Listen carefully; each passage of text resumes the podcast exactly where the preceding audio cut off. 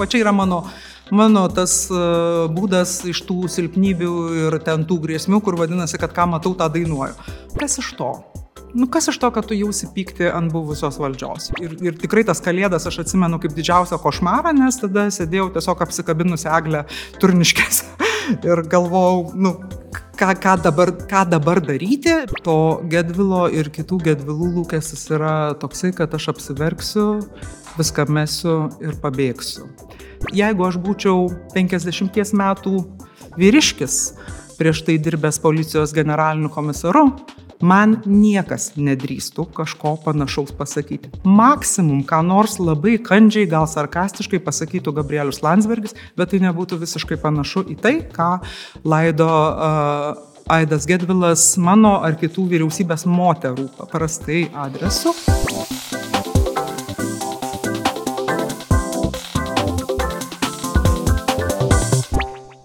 Na, mėly redakcijos nariai, šiandien į mūsų redakciją čia E, nuostabioje Jochimo Lelevelio salėje Vilniaus universitete užklydo pirmas svečias ir tai yra ministrė pirmininkė Ingrida Šimonytė. Labadiena. Sveiki. A, ir dabar dar be manęs čia Igno taip pat yra ir Rita, Birutė ir be abejo Rytos žadėtos purgos. Iš karto uh, galim šiek tiek adresinti tai, uh, nes žadėjom ir praeitą kartą ir, ir, ir, ir visą laiką apie tai kalbėjom. Dabar tik įsijungė rekas ir pasidarė tyla. Tyla, va. Žadėjom, man patiko tas žadėjams, žadėjams purgas. Taip. Kad, man tai patinka, kad šiandien pro mūsų redakciją va taip ėjo, ėjo ir nepraėjo, bet užėjo Ingrida Šimonytė. Taip. Tai tikrai labai smagu. Tai e, kas nori užduoti pirmą klausimą? Gal tokį paprastesnį užduosiu klausimą, kuris būtų, e, kas jums premjeras šiandien yra svarbiausias dalykas? Pat tiesiog. Arba svarbiausia tema? Aha. Na, natūralu, kad taip visiškai siaurai iš darbo pozicijų žiūrint, šiandien yra svarbiausias dalykas e, paruošti ateinančių metų biudžetą, jį patvirtinti vyriausybėje ir atiduoti Seimui, taip kaip numato Konstitucija. Ir visada biudžeto sudarimas yra tas pats uždavinys. Nes e, norai visada yra neriboti, o galimybės visada yra ribotos ir tu visada sprendi tą patį uždavinį, kaip tos neribotus norus sudėti į ribotas galimybės. Ir čia yra tokia, na, sudėtinga prieštara, nes, e, kaip sako pirmas ekonomikos dėsnis, ištekliai yra riboti. Taip. Kaip sako pirmas politikos dėsnis, pamiršk pirmą ekonomikos dėsnį. Ne, bet kadangi aš e, esu ne tik politikė, bet dar ir krimtus ekonomikos mokslų ir nemėgstu, kaip kurie mano kolegos sakyti, aš kaip ekonomistas pasakysiu, nes mane truputį tą frazę jau turbūt ir daugelį mūsų turbūt truputį juokina. Bet faktas, kad taip yra. Ir Ir kažkuria prasme tai visą laiką yra tas pats iššūkis, ta pati gramatinė klaida, tas pats uždavinys, nes visada yra labai dideli lūkesčiai į valstybę, pamirštant arba pasistengiant ignoruoti tai, kad valstybė esame mes patys. Tai reiškia, mes kaip valstybė dalykų galim daryti tiek, kiek mes kaip valstybės žmonės esame susitarę už juos susimokėti arba visi kartu pasiskolinti. Ir aišku, valstybei, kuri veikia per vyriausybę, per, per Seimą, per kitas institucijas, nu, čia yra toksai um, išminties uždavinys, kur atrasti tą saiką tarp mokesčių, išlaidų Taip. ir skolų, taip sakant, kad tu galėtum spręsti kažkokius uždavinius, kuriuos reikia spręsti. Na, pavyzdžiui, niekas nesiginčia, kad reikia didinti mokytojams atlyginimus, reikia didinti mokytojams atlyginimus, bet įgyvendinti neįgyvendinamų uždavinių tuo pačiu metu, na, tikrai negali, todėl kad negali visiems vienu metu pad, išspręsti visų problemų. Yra kažkokie prioritetai, prioritetų sąraše, yra kažkokios objektyvios aplinkybės, kaip karas Ukrainoje, sakykime, kur, na, kaip ten bebūtų, bet mes turime nusimatyti lėšas Ukrainos karo pabėgėliams, kurie yra Lietuvoje, įvairiai paramai Ukrainai, kurią mes turime skirti, ar kariniai, ar humanitariniai, ar finansiniai. Ir mes jau čia šitus dalykus turime kažkaip tai tarpusavyje na, susiderinti, susidėlioti taip, kad viską, kas mums svarbu, mes galėtume maksimaliai atliepti, bet tai nereiškia, kad atliepti kiekvieną poreikį maksimaliai. Tai čia kaip premjeriai, jeigu galiu aš dabar. O kas šiaip Ingridai Šimonytė šiandien yra svarbiausia? Man atrodo, kad e, nėra taip, kad man šiandien būtų svarbiau dalykai, negu kad jie buvo svarbus vakar arba negu kad bus rytoj. Man atrodo, kad visą laiką kažkaip gyvenime man yra svarbu vienas paprastas dalykas, kad aš galėčiau į save žiūrėti veidrodį. Ir kažkaip e, aš stengiuosi gyventi taip ir iki šiol stengiausi ir šiandien stengiuosi taip gyventi, kad aš galėčiau į save žiūrėti veidrodį, kad aš niekam nemeluočiau, kad aš neturėčiau kažkaip uh, daryti kompromisų su tuo, kas man yra svarbu, kas man yra sąžinė ir kas man yra esmė. Ir vargu ar čia kas nors labai pasikeis rytoj. Jūs jau užsiminėt apie karą, apie pagalba Ukrainai, e, kalbant apie biudžetą. Kaip apskritai karas pakeitė jūsų gyvenimą, jeigu reikėtų apibūdinti? Mm, na, realiai juk karas prasidėjo ne praėjusiais metais. Ne? Ir jau tada, kai buvo okupuotas Krymas, jau tada, kai prasidėjo veiksmai rytų Ukrainoje, jau tada, kai Lietuvoje radosi žmonės, kurie pradėjo teikti pagalbą Ukrainos kariams, nu, aš nuo tada tą karą jaučiau kaip savo, tiesiog aš kaip fizinis asmo. Tai aš visada buvau tame, rėmiau Joną Omaną ir, ir kitas organizacijas, daug dalykų ir kitų darėm, teikėm labai daug paramos tada Ukrainos Ukrainos institucijom, tarkim, kai dirbau Lietuvos bankė ar, ar kažkokiuose kituose formatuose, visada kovojom už Ukrainos narystę Europos Sąjungoje.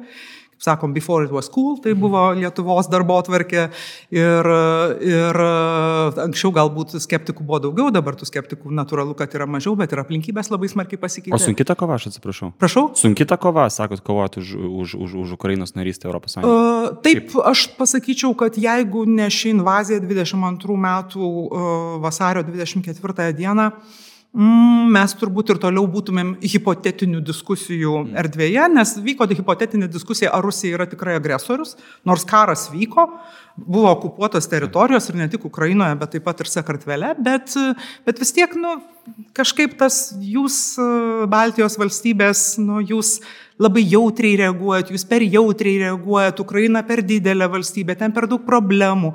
Mes visą laiką sakėm, žiūrėkite į mūsų pavyzdį, mes turėjome motivaciją, mes dėl tos motivacijos padarėm daugybę dalykų kur galbūt mes iki šiol tebesimurdytumėm kažkokiuose vidaus ten korupcijos ir kažkokiuose panašiuose dalykuose, tai nereiškia, kad Lietuvoje viskas tobula. Bet narystės perspektyva ir ta mobilizacija narystėje, jinai Lietuvoje, na, nu, labai ženkliai pakėlė institucijų kokybę visų pirma, o ta institucijų kokybė leido atsilaikyti nuo daugelio kitų dalykų. Prisiminkim Viktoro Uspaskicho e, laimėjimą 2004 metais. Ir, na, tokį, aš sakyčiau, planą perimti uh, tam tikrą kryptimi ateinančius ES finansinės paramos rautus ir taip toliau ir panašiai. Kas atlaikė? Atlaikė institucijos. Pakso apkaltą prisiminkim. Kas atlaikė? Atlaikė institucijos. Taip. Ir tos institucijos labai stipriai sustiprėjo būtent per šitą procesą. Tai mes visą laiką tai teigiame kaip, nu, kaip kodėl yra labai svarbu Ukrainai suteikti narystės perspektyvą, mm. o ne tik tai sakyti, kad jūs dirbkite, dirbkite, dirbkite, dirbkite, o mes tada pasižiūrėsim. Bet aišku, kai prasidėjo invazija, nu, tai tas pirmas dvi savaitės, tai aš atsimenu kaip tokį kažkokį visišką miglą, rūką ir, ir, ir nieką, nes aš gyvenau televizoriui. Iš esmės visą laiką sėdi televizoriuje, susirašinėjai su Ukrainos premjeru ten, kaip jūs, ką jūs, kur jūs ir taip toliau ir panašiai. Tada galvoju, nu reikia nueiti kažkaip truputėlį pamiegoti bent porą valandų, nes jau atrodo, kad išvirs smegenis, atsiguli, pasižiūri į lubą, supranti, kad negalėsi miegoti, vėl ateini, vėl įsijungi CNN, atvažiuoji į darbą, vėl sėdi CNN ir taip, taip gyveni. Ir tada, aišku, buvo labai daug dėmesio ir vakarų žiniasklaidos labai daug dėmesio Ir aš buvau ką tik grįžus iš Ukrainos, tiesą sakant, tuo metu, gal dešimt dienų buvo matyti iki invazijos, kai aš lankiausi dar toj pačioj Luhanšinoje ir, ir tam, ant, ant tos linijos tuometinės vadinamosios. Ir, ir daug kas klausinėjo ir visi sakė, teigia tą kaip teiginį, kad žiūrėkit, Ukraina nužlugs, Kievas žlugs, penkios dienos, ten šešios dienos ir taip toliau ir panašiai. Ir aš viduje žinojau, kad to nebus. Ta prasme, aš nu, tiesiog kažkaip va, iš to buvimo su tai žmonėmis, iš bendravimo, iš jų nusiteikimo, iš to, kaip jie, jie matė tą. Man buvo aišku, kad tikrai taip nebus. Nu, ne, negalima taip sakyti, bet tu pabandyk viską žinantiem uh, reporteriams CNN, kurie remiasi Junktinio Amerikos valstybių žvalgybos informaciją, pasakyti, kad žinot, Hebra, tikrai šitaip nebus ir tikrai ta šalis atsilaikys ir kuo daugiau mes padėsim, tuo jai bus lengviau atsilaikyti. Bet aišku, tas, tas, tas, ta pati pradžia buvo labai sunki, nes mes buvom tarp mažo skaičiaus valstybių, kurios teikia karinę paramą dar iki invazijos. Kitos šalis netrodo naugau, negalim pagalvoti net, kad kokį nors ginklelį galėtumėm suteikti, nes tai yra jau kažkokia baisi provokacija. Toliau turėjo kažkas atsitikti, būčia turėjo atsitikti ir turėjo atsitikti dalykai, kad žmonės keistų savo mąstymą, kad jie suprastų, kad Ukraina gali atsilaikyti, kad jai reikia padėti, bet kas kart per kraujus, kas kart per tokius ginčius, kur, per kuriuos žūsta žmonės per tą visą laiką, kol vyksta, kol vyksta tie ginčiai. Na ir dabar taip pat. Ir, ir, ir ta prasme gaila truputėlį, kad niekas labai smarkiai nepasikeitė per tą laiką. Tik tai tiek, kad iš tikrųjų ginkluotės ant žemės Ukrainoje moderniausios yra, nu, nepalyginant daugiau negu 20 ketvirtaisiais metais, 20, prieš 24 vasario.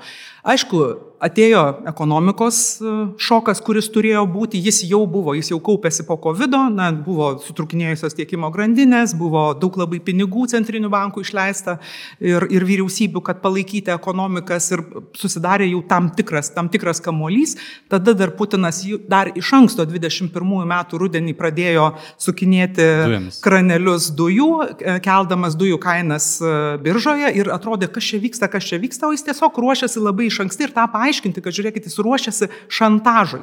Jis šantažuos Europą kitais metais dujomis. Ir tą patį pavasarį, e, kai, kai, kai buvo diskusija vėlgi su, su, su daugeliu vakariečių. E, aš tada sakiau, sakiau, rudenį jūs turėsite diskusiją apie maisto kainas, kūro kainas, energijos kainas ir toje diskusijoje nebus Rusijos. Atrodys, kad čia vat, kažką vyriausybės pridarė, kažkokių kvailyšių, kažkokių sankcijų privedė, dabar žmonės kenčia, prasidės kažkokie protestai. Ir tai yra tai, kaip Putinas interferuoja į visų mūsų vidaus politiką. Nes mes labai dažnai sulaukiam tokio klausimo, į jūsų vidaus politiką labai turbūt kišasi Rusija. Čia propagandos labai daug ir taip toliau ir panašiai. Ir, ir aš visą laiką sakau, sakau, žmonės gerieji. Jie kišasi visur, jie kišasi ir pas juos. Problema yra tai, kad jūs to net nesuprantat. Nes tai visada yra vidinis debatas, kažkoks vidinis klausimas, kuris labai karštas, skaldo visuomenę, Stambulo konvencija, LGBT, ginklų laikymas, vakcinos, mm. infliacija. Ir visą laiką šitos temos bus išnaudotos tos pačios Rusijos propagandos tuo tikslu, kad jūs sumirksėtumėt. Ir ačiū Dievui niekas nesumirksėjo. Aš prisimenu iš plataus masto invazijos pradžios tokį videoklipą, kuris vaikščiojo internetuose ir ten buvo klausimas ukrainiečiai, vakariečio reporterio, reporterio When do you expect Russians? Ir atsakymas buvo never. Kodėl vakariečiai net nesupranta, kas yra Putinas po visko, ką jis tai padarė, ne tik Putinas, bet ta Rusija kokia yra dabar? Na, aš nesakau, kad jie nesupranta, jie daro vieną ir tą pačią gramatinę klaidą. Ir ta gramatinė klaida yra bandyti savo racionalumą pritaikyti Putinui. Todėl, kad kaip masto vakarų politikas, nu, normalus vakarų politikas, jisai masto taip. Aš esu renkamas, ant mano galvos yra žiniasklaida, pozicija, teismai, rinkėjai, nu, ta prasme. Rinkėjų valia arba visą kitą, ko Rusijoje nėra. Visą tai ir aš turiu, nu, kažkaip su visu tuo dylinti, ne? Ir, jie, ir man kažkaip elgtis yra neracionalu. Ta prasme, kažkoks elgesys yra neracionalu, nes tu savo tiesiog susikuri problemas, bet bendravime, sakykime, ar su opozicija, ar su žiniasklaida, ar su, ar su rinkėjais, kažkur tau iš to yra bėda. Ir jie kažkaip ne, nepriima į savo galvą, kad Rusija yra viskas atvirkščiai. Kad Rusijoje ne tas racionalumas veikia. Tai, ką daro Putinas, yra visiškai racionalu iš Putino pusės, bet jo racionalumas yra visiškai kitas negu vakariečių. Ir kai buvo ta, ta mintis, juk ir, ir visa Vokietijos, kuri dažnai yra kritikuojama, ir Angela Merkel už, už visą tą priekybos politiką, ne už, už kažkokį tai bandymą per ekonominius ryšius, taip sakant, sulaikyti, sulaikyti Rusiją, konteininti, reiškia, turėti tokią strategiją. Juk tai irgi buvo, nu, kaip tas gerais norais grįstas kelias į pragarą. Todėl, kad buvo galvojama, kad per šitus ryšius tu pririši valstybę tiek, kad kažku, kažkuriuos dalykus daryti ją jau tiesiog neapsimoka. Taip pakeliui tu užmerki akis į labai daugybę dalykų, kurie yra nu, labai blogi pranašai. Todėl, kad Rusijoje blogi pranašai prasidėjo nuo tada, kai jie susigražino uh, sovietinį himną. Jau tada buvo aišku, kad Taip. šitas geruoju nesibaigs. Bet aišku, buvo žmonių, kurie dar sakė, ai čia tokios gal tokie čia žaidimai vidiniai, nieko tokio. Paskui buvo Müncheno kalba, kai jau Rusija įgavo raumens dėl naftos kainų kilimo, jau matėsi, kad šalis darosi turtingesnė, bet tada atsiranda visi, visi tokie tokie argumentai, jie per daug priklausomi, jie per daug pajamų iš mūsų gauna, bet jie juk taip pat sukuria priklausomybės ir tau. Ir tu tampi tų priklausomybių auka, bet kažkaip, na, tas buvo iki galo neįvertinta, nes neracionalu. Nes vakariečių politikui tai yra neracionalu. Ir tada jie tą savo racionalumą, tą veido išsaugojimą, kiek čia turėjom tokios neakivaizdžios polemikos su prancūzijos prezidentu apie veido išsaugojimą, nu, Putinas neturi veido, jam nėra ką saugoti. Tai Makronui reikia saugoti veidą. Putinui saugoti veidą nereikia, jis nusipieš tokį veidą, kokį norės ir tą veidą parduos per savo propagandą savo, uh, savo narodą nasilėnijui, nežinau net kaip, kaip žmonės pavadinti. Rusijoje. Bet žiūrint į karo pradžią, tada atrodė, kad, na, tarsi tas šokas suvienijo vakarų partnerius, nieks nesumirksėjo ir netgi daugelis sakė, kad va, Baltijos valstybės buvo teisios visą laiką, sakydamos e, ir įspėdamos apie Rusijos grėsmę. Kai jūs dabar bendraujat su vakarų partneriais, e, jūs jaučiat pasikeitusi požiūrį? Aš jaučiu nepasikeitusi požiūrį, ta prasme vis dar yra pripažįstama, kad Baltijos valstybės buvo teisios, bet dabar tas pripažinimas labiau yra iš tokio you've been right. So what? Aha. Tai va tas, dabar jau atsirado tas so what. Ir, ir uh, kodėl jis yra tas what? Todėl, kad, na, galvojimas apie tai, o kas paskui, o kas jeigu mm, Ukraina laimi karą, jis yra tikrai labai baisus. Mum jis atrodo visiškai kitaip. Ypatingai tiem, kurie 90-uosius atsimena. Ne, ir atsimena, kaip mums buvo siūloma šių šių patilėkit, pasėdėkit, bus gera dabar Sovietų sąjunga ir jūs toje geroje Sovietų sąjungoje būsite kažkokia lygiai vertė valstybė, va beveik kaip tos valstybės Europos sąjungoje. Juk buvo šitai. Buvo, buvo Bušas Kijeve. Ne, buvo Bušas Kijeve, buvo daug, daug dalykų, kuriuos mes iš savo istorijos atsimenam ir mąstymas už to buvo tas pats. Tai yra branduolinė valstybė, kuri turi branduolinį ginklą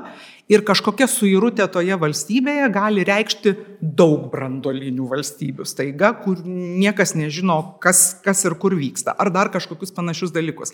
Ir pagrindiniam pasaulio žaidėjim, tokiem kaip Junktinės Amerikos valstijos, nu kur nori, nenori, bet vis vien ant tavo pirštų guli lėkštutės su visais pasaulio konfliktais. Ir aš nepavydžiu nacionalinio saugumo patarėjui ir kitiems žmonėms, kurie už tai yra atsakingi administracijoje, nes iš ties ant tavo, ant tavo pirštų guli visos tos porcelianinės lėkštutės, jos visos dreba, Sahelis, Kaukazas, Taivanas, Ukraina. Ir, nu, Tiesiog tas bandymas kažkaip subalansuoti šitą situaciją, jisai vat, kartais tokiais keistais pavydalais ir pasireiškia.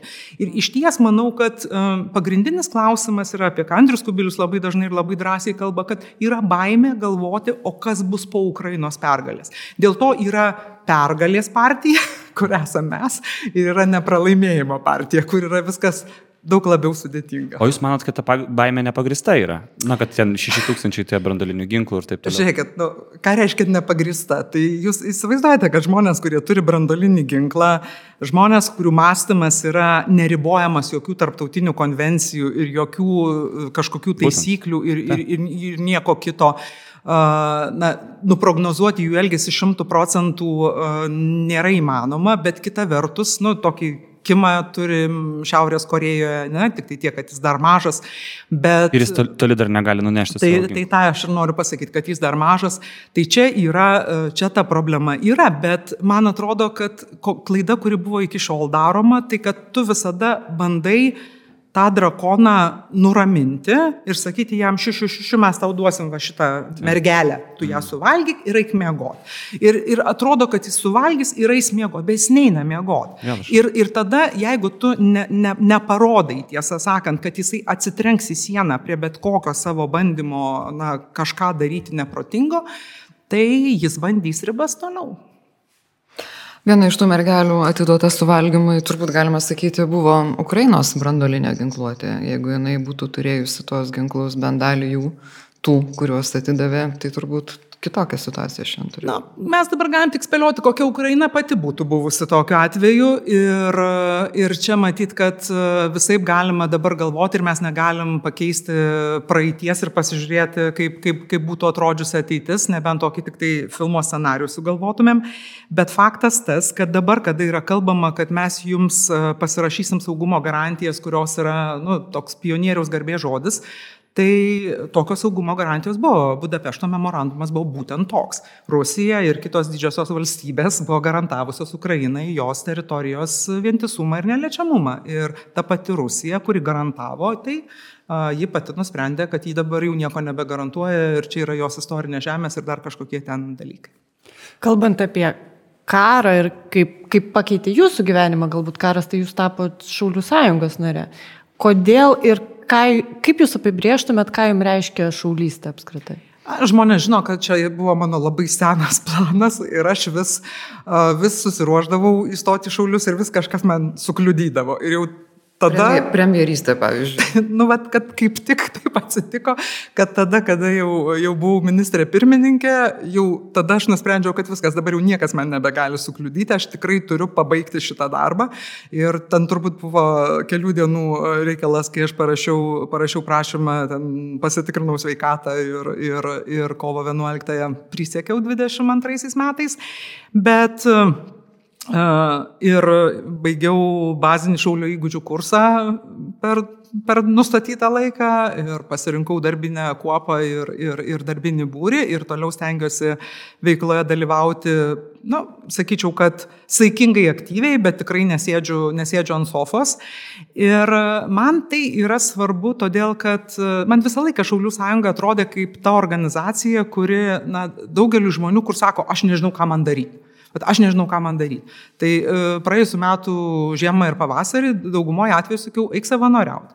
Eik arba į kokią nors ten centrą pabėgėlių ar dar kažkur, gali eiti į Šaulių sąjungą, jeigu nori visada kažką daryti, visada kažkam ruoštis, ypač jeigu turi kažkokius įgūdžius, ten IT, sakykime, ar, ar, ar kažkokiu ten dronų operavimo, pavyzdžiui, ar, ar net tos pačios medicinos. Tai, uh, tai kuo didesnė ta organizacija yra, tuo uh, nu, tuo didesnis tinklas yra žmonių, kurie yra pasiryžę priešintis ir, nu, kaip ten bebūtų, visų nepasodins, ne? Ir, ir jeigu visi yra šauliai arba dauguma yra šauliai, tai tuomet jau visuomenė atrodo visiškai, visiškai kitaip negu tada, kada šaulių yra ten tūkstantis ar, ar du tūkstančiai, kurių visų sąrašus galima sužinoti ir ten kažkokio, kažkokios situacijos e, atveju galima su tai žmonėmis susidoroti. Šveicarijos pavyzdys jūs įkvepia kaip valstybės, kuri yra tiek sustiprinusi savo pasirežimą piliečių gintis, kad, nu, tada visus reikia pasodinti, jeigu nori. Tai man atrodo, kad tokioje uh, geografinėje padėtyje, kur mes esam, uh, kitos, uh, kitos strategijos jos yra šiek tiek lengvabūdiškos, nes taip galima pasitikėti ir būtina pasitikėti savo kariuomenę ir jos gale ir partneriais. Bet e, visuotinis pasipriešinimas vis dėlto turi būti nu, tam tikro mentaliteto dalis. Ir čia net nebūtina žiūrėti į Šveicariją, kuri biški toliau nuo mūsų, bet yra ta pati Suomija, kuri nepaisant kartais tokių dviprasmiškų e, galbūt santykių su ta pačia Rusija ir finlandizacijos vadinamos ir labai, labai e, skaudžios praeities ir teritorijų, teritorijų netekimo 20-ame amžiuje, vis dėlto ten nu, tas mentalitetas irgi yra toks, kad žmonės žino, kodėl jie turi ginklą ir žino, kad jeigu reikės, jie priešinsis ir būdami visą laiką neutralūs, neutralūs dabar prisijungia prie NATO kaip saugumo davėjai, ne kaip saugumo gavėjai. Ta prasme, saugumo NATO blokė padidėjo, todėl kad Suomija yra aiškiai valstybė, kur yra saugumo davėja jinai yra donorė. Ir man atrodo, kad čia pavyzdys labai artimas e, geografiškai ir visai kaip, ir net istoriškai e, stipriai artimas, ir todėl mums tikrai yra į ką lygiuotis. Pritariu. Šiaip, e, jeigu kalbant dar šiek tiek apie Ukrainą, toks e, vienas klausimas e, būtų įdomus. Apskritai apie vis girdim, ir čia gal jau tokie net jau tikrai klišiai yra, kad nuovargis, nuovargis, nuovargis yra didelis, ypatingai vakaruose ir pas mus visuomenės teikiant paramą Ukrainai. Ar jūs pritartumėte tai, ar matos kažkur partnerių prasme, savo kolegų prasme, savo pačios galų gale, kad yra sunkiau mobilizuoti paramą Ukrainai? Mm, Lietuvoje nepastebėjau to yra tikrai piktų arba sąmoningai su kuo nors bendradarbiaujančių žmonių, kurie bando šitą naratyvą išnaudoti. Tai taip, mhm. čia ta pati propaganda. Kalbė, kad žmonės yra pavargę ir žmonės pradės jaustis pavargę, tai čia toks tikslas.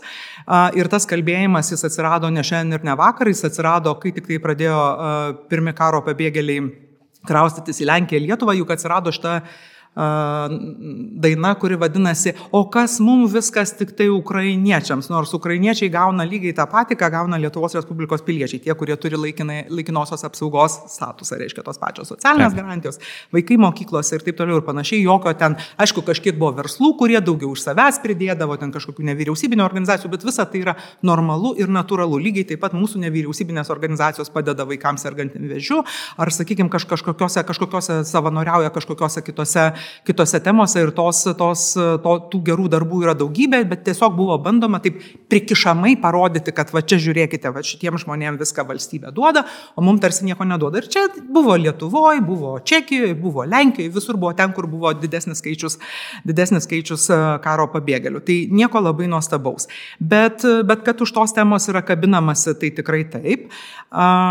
Aš kitų e, valstybių aš kitų valstybių tokiam tarpe ar politiniam laukia gal netiek matau daug nuovargio. Man atrodo, šiaip elitas politinis vakarų yra pakankamai tvirtai uh, nu, nusiteikęs stovėti už Ukrainą. Didesnė problema yra ta, kad ne visos visuomenės uh, tai priima kaip savo, tiek mhm. stipriai, kiek, kiek sakykime, Lietuva ar, ar kitos Baltijos šalis ar ta pati Lenkija. Todėl, kad e, juk ir apklausos tą patį liudyje, kuo tu toliau esi nuo fronto linijos, tuo tau galbūt abstrakčiau atrodo tas konfliktas, vienas dalykas.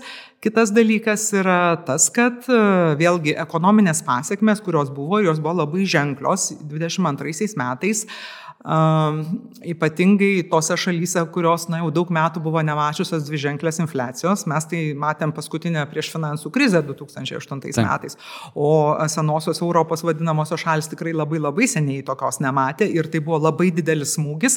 Ir kada tai vėlgi sėkmingai propagandos yra supaketuojama su sankcijomis, su jų neva tai neracionalumu, su tuo, kad čia vakarų valstybės kenkia pačios savo, na yra tokia dirba, kurioje gali gana sėkmingai vėl pradėti pradėti kelti galvas e, įvairaus pobūdžio kraštutiniai dešinieji ir kairieji, kurie paprastai visada susivienyje vienu klausimu, nors šiaip atrodo, kad turėtų būti nesuvedami, bet jie visada susivienyje, pasižiūrėkite protestus Čekijoje, kurie vyksta, tai ten vienoje vietoje yra žmonės su kraštutiniais dešiniaisiais teiginiais, kaip atsisakykim, ten įsiveskim aukso standartą, kas turbūt tie žmonės neįsivaizduoja, kas yra aukso standartas, iki išstokim NATO, iš NATO ir, žodžiu, viską išdalinkim, visus pinigus kariuomenės išdalinkime sakykime, žmonėms ir taip toliau ir panašiai. Tai visa tai, visa tai irgi kelia galvas. Pačioj pradžioje invazijos buvo labai smarkiai tylu, ne? nes atrodė, kad jau pritilo ir Le Pen, ir ten Alternative ir Deutschland, ir visos kitos tos kraštutinės partijos tarsi pritilo,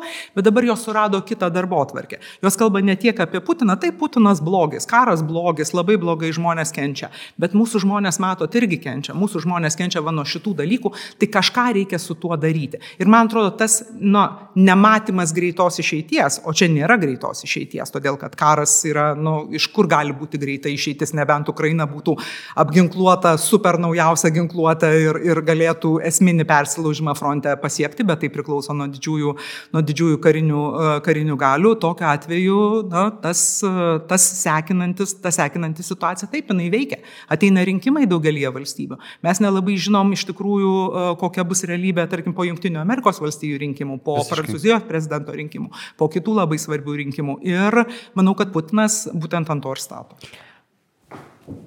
Gal, nežinau, perinant prie kitų temų nuo karo, jeigu dar.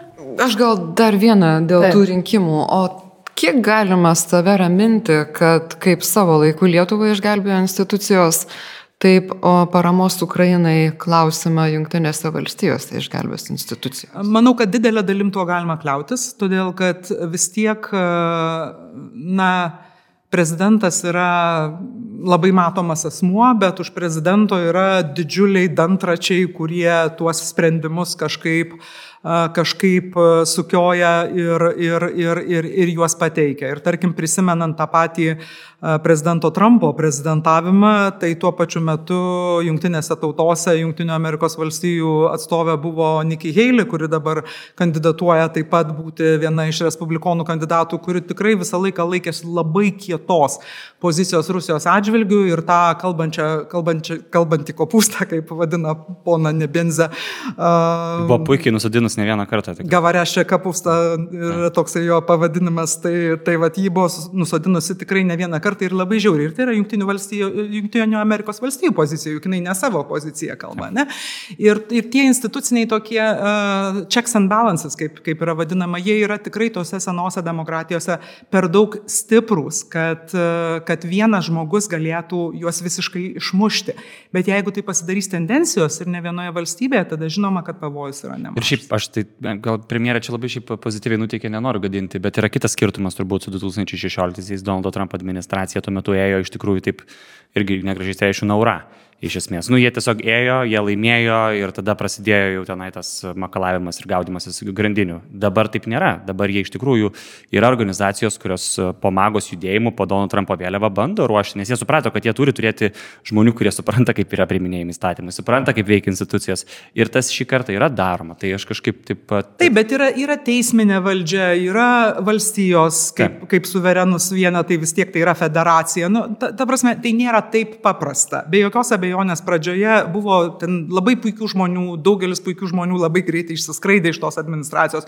Su ne vienu man yra tekę bendrauti dabar, tarkim, e, kaip labai labai tikrai kar, karštais Ukrainos palaikytojais ir su tuo pačiu Marko Esperiu ir su, ir su gynybos sekretoriumi. Ir, ir, ir tai yra visiškai, vis, kuris buvo išmestas Taip. ten vos ne pačioje, pačioje pabaigoje labai, labai jokingai.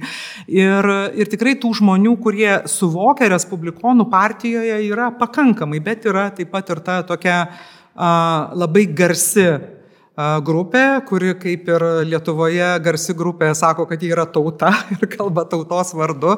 Ir, ir tie procesai, na, jie yra, jie yra tokie. Dabar aš nežinau, ar mes galime juos kažkaip pakeisti. Man atrodo, kad socialinių tinklų eroje, kurioje mes gyvename, tai yra tiesiog, na, tai yra tiesiog taip, kaip piktintis dėl oro. Taip, ne, pakeisti negali, bet žinot, vat, ir tie patys magistrai, jų yra 20 šiuo metu kongrese, bet e, biudžetą visiškai užtraukia rankinį ir, be, ir dabar neaišku, kaip Makarčio likimas toks bus. Tai ar tiesiog aš turim tie, ta, tokie, va, to, tokie va, judėjimai ir ne tik, ar ne, patys Slovakijos rinkimai.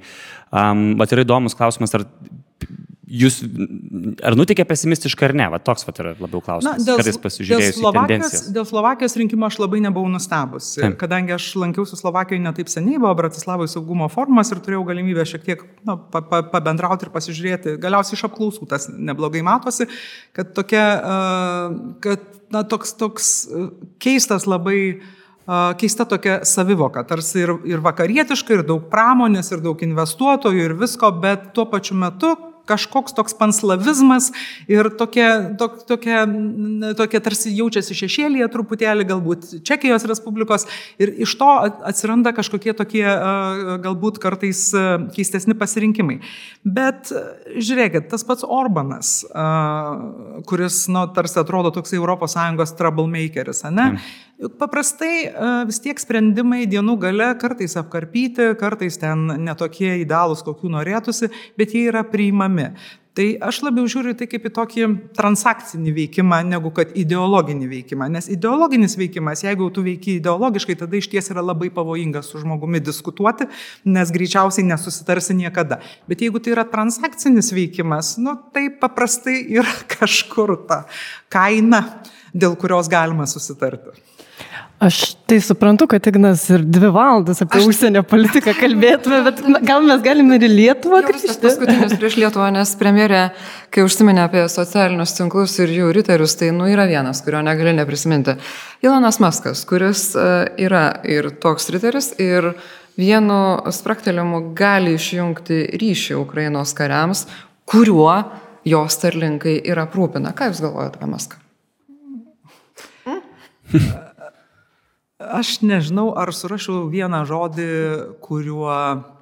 Čia nėra limito. Kuriuo galėčiau apibūdinti, bet gal nenoriu apie žmogų kalbėti, pasakysiu apie elgesį. Tai mano nuomonė žodis apgailėtina būtų ta žodis, kurį aš galėčiau vat, visam šitam apibūdinti. Nes jeigu tai būtų tik žmogus, kuris uh, yra akivaizdžiai kažkoks prorusiškas, proputiniškas, nu tai tada sakytum tuščia jo, bet kai žmogus, kuris yra inovatorius, reiškia idėjų generatorius ir, taip sakytum, ateities žmogus galbūt labiau turėtų ateities žmogumi save laikyti, kai jis taip e, elgesi, tai yra apgailėtina, bet aš paaiškinimą savo irgi turiu. Aš manau, kad tai yra ta pati baimė pagalvoti, o kas bus, jeigu Ukraina laimės karą. Didelė Ukrainos rinka, kuri turtingesnė negu Rusijos. Jam matyti atrodo kitaip. Jeigu kalbėtume apie jūsų kaip premjerės darbą, mes sugalvom tokį dalyką paprašyti jūsų uh, sudaryti savo svotą, uh, išskirti stipresias ir silpnasias pusės. Kas jūsų nuomonė tai būtų? Po to prašysim CV atnaujinti. A, gerai. Būtų priimsim į redakciją. A, gerai. Tai mm, iš. Uh, iš stipriųjų pusių, jeigu mes kalbam apie mane, ne kaip mane, bet kaip apie mane premjero pozicijoje, ne, tai turbūt iš stipriųjų pusių aš e, pabrėžčiau savo, nu, netrumpą patirtį viešajame administravime, nes vis dėlto nuo 97 metų dirbti viešajame administravime įvairiose pozicijose, nuosekliai nuo specialisto atsirasti ten, kur dabar esu, tai man leido sukaupti ir labai įvairią patirtį, ir, ir žinojimą, kaip veikia institucijos, ir kur yra problemos institucijose ir ko geriau nedaryti, nes nepasidarys, o kaip daryti, kad padarytum, nes žmonės, kurie ateina iš šalies, į ministerijas, pavyzdžiui, vadovauti dažnai, nu, jie kartais net ilgai užtrunka suprasti, kad tu atsiduri tokiam žaidime, kur tave bando padaryti savo profsąjungos pirmininku. Ir kur tavo uždavinys vienintelis bus eiti į finansų ministeriją ir gauti kuo daugiau biudžeto, o visa kita jau yra netaip svarbu. Tai čia sakyčiau, kad turbūt yra mano pagrindinė, pagrindinė stiprybė. Dabar uh, Dabar kas yra mano pagrindinė silpnybė? Pagrindinė mano silpnybė turbūt yra, bet čia turbūt ir tas pats yra ir, ir jeigu mes kalbėsime apie grėsmę, tai yra mano toks, nu, ne, neflegmatiškas būdas. Ir tai, kad aš gal kartais pasakau daugiau negu kad būtų būtina einamojo momentu pasakyti. O, o galimybės, tai galimybės politikoje, kaip žinia, visada yra nuo iki. Tai yra jau, aš nežinau, ar, ar čia kažkokias dar galimybės, nu, ką matau kaip galimybę dar savo pozicijoje, tai, tai pabaigti tai, ką, ką vyriausybė buvo, buvo užsibrėžusi. Manau, kad a, daug dalykų tikrai pavyko pajudinti arba pavyko net ir padaryti, veikiant gana keistomis sąlygomis, nuo COVID per migraciją iki, iki, iki karo, kuris ne pas mus, bet mus labai tiesiogiai veikia. Ir, ir va tiek turbūt iš mano svoto. Nes e, mes kalbėjom ir e, kalbėdami galvojom, aptarsim kai kuriuos e, aštriausius jūsų vyriausybės darbo momentus. Mhm. Ir vienas tikriausiai iš tokių paskutinių buvo dėl šiukšdinienės situacijos. Ar jūs dabar, vat, atgal žiūrėdama visą tą situaciją, klaida laikot savo pareiškimus, kad aš atsistatydinsiu, jeigu Seimas e, neinicijuos pirmalaikių rinkimų ir taip toliau, nes galiausiai taip ir neįvyko? Jo, tai e, man atrodo, aš esu jau tą viešai komentavus ir nėra čia jokios didelės paslapties, kad tai yra turbūt tas atvejis, kai aš viešai pasakiau tai, ko neturėjau viešai sakyti, bet tokia diskusija iš ties e, prezidiume buvo. Kad e, aš labai labai rimtai norėsiu pakalbėti apie tai, ar vyriausybė gali veikti toliau, jeigu už visą šitą istoriją bus paukotos trys ritualinės avys ir visi kiti nusiplaus rankutes ir sakys, va dabar mes esame kažkaip jau išsprendę šitą problemą, nes viskas dabar yra gerai. Kiekvienas turbūt ar kas antrą savaitę ten vis, vis paskaitom tų naujų ir naujų ir naujų istorijų apie tai, kur aš kartais bandau sugalvoti, kiek gali būti konkrečios savivaldybės, konkretaus miesto degalinėje čekių per parą, kad jų visiems užtektų, arba kodėl žmonės moka grinais ir galvoja, kad mokėdami grinais jie nuslėps reiškia tą faktą, kad, kad e, čekiai yra ne jų, kai ant visų čekių yra kažkokia nuolaidų kortelė ir visos tos nuolaidų kortelės yra lygiai taip pat skirtingos kaip bankų kortelės. Nu, ta prasme, ta istorija jinai yra pritvinkusi jau per daugybę metų ir tas bandymas, e, turiu pasakyti, kad na,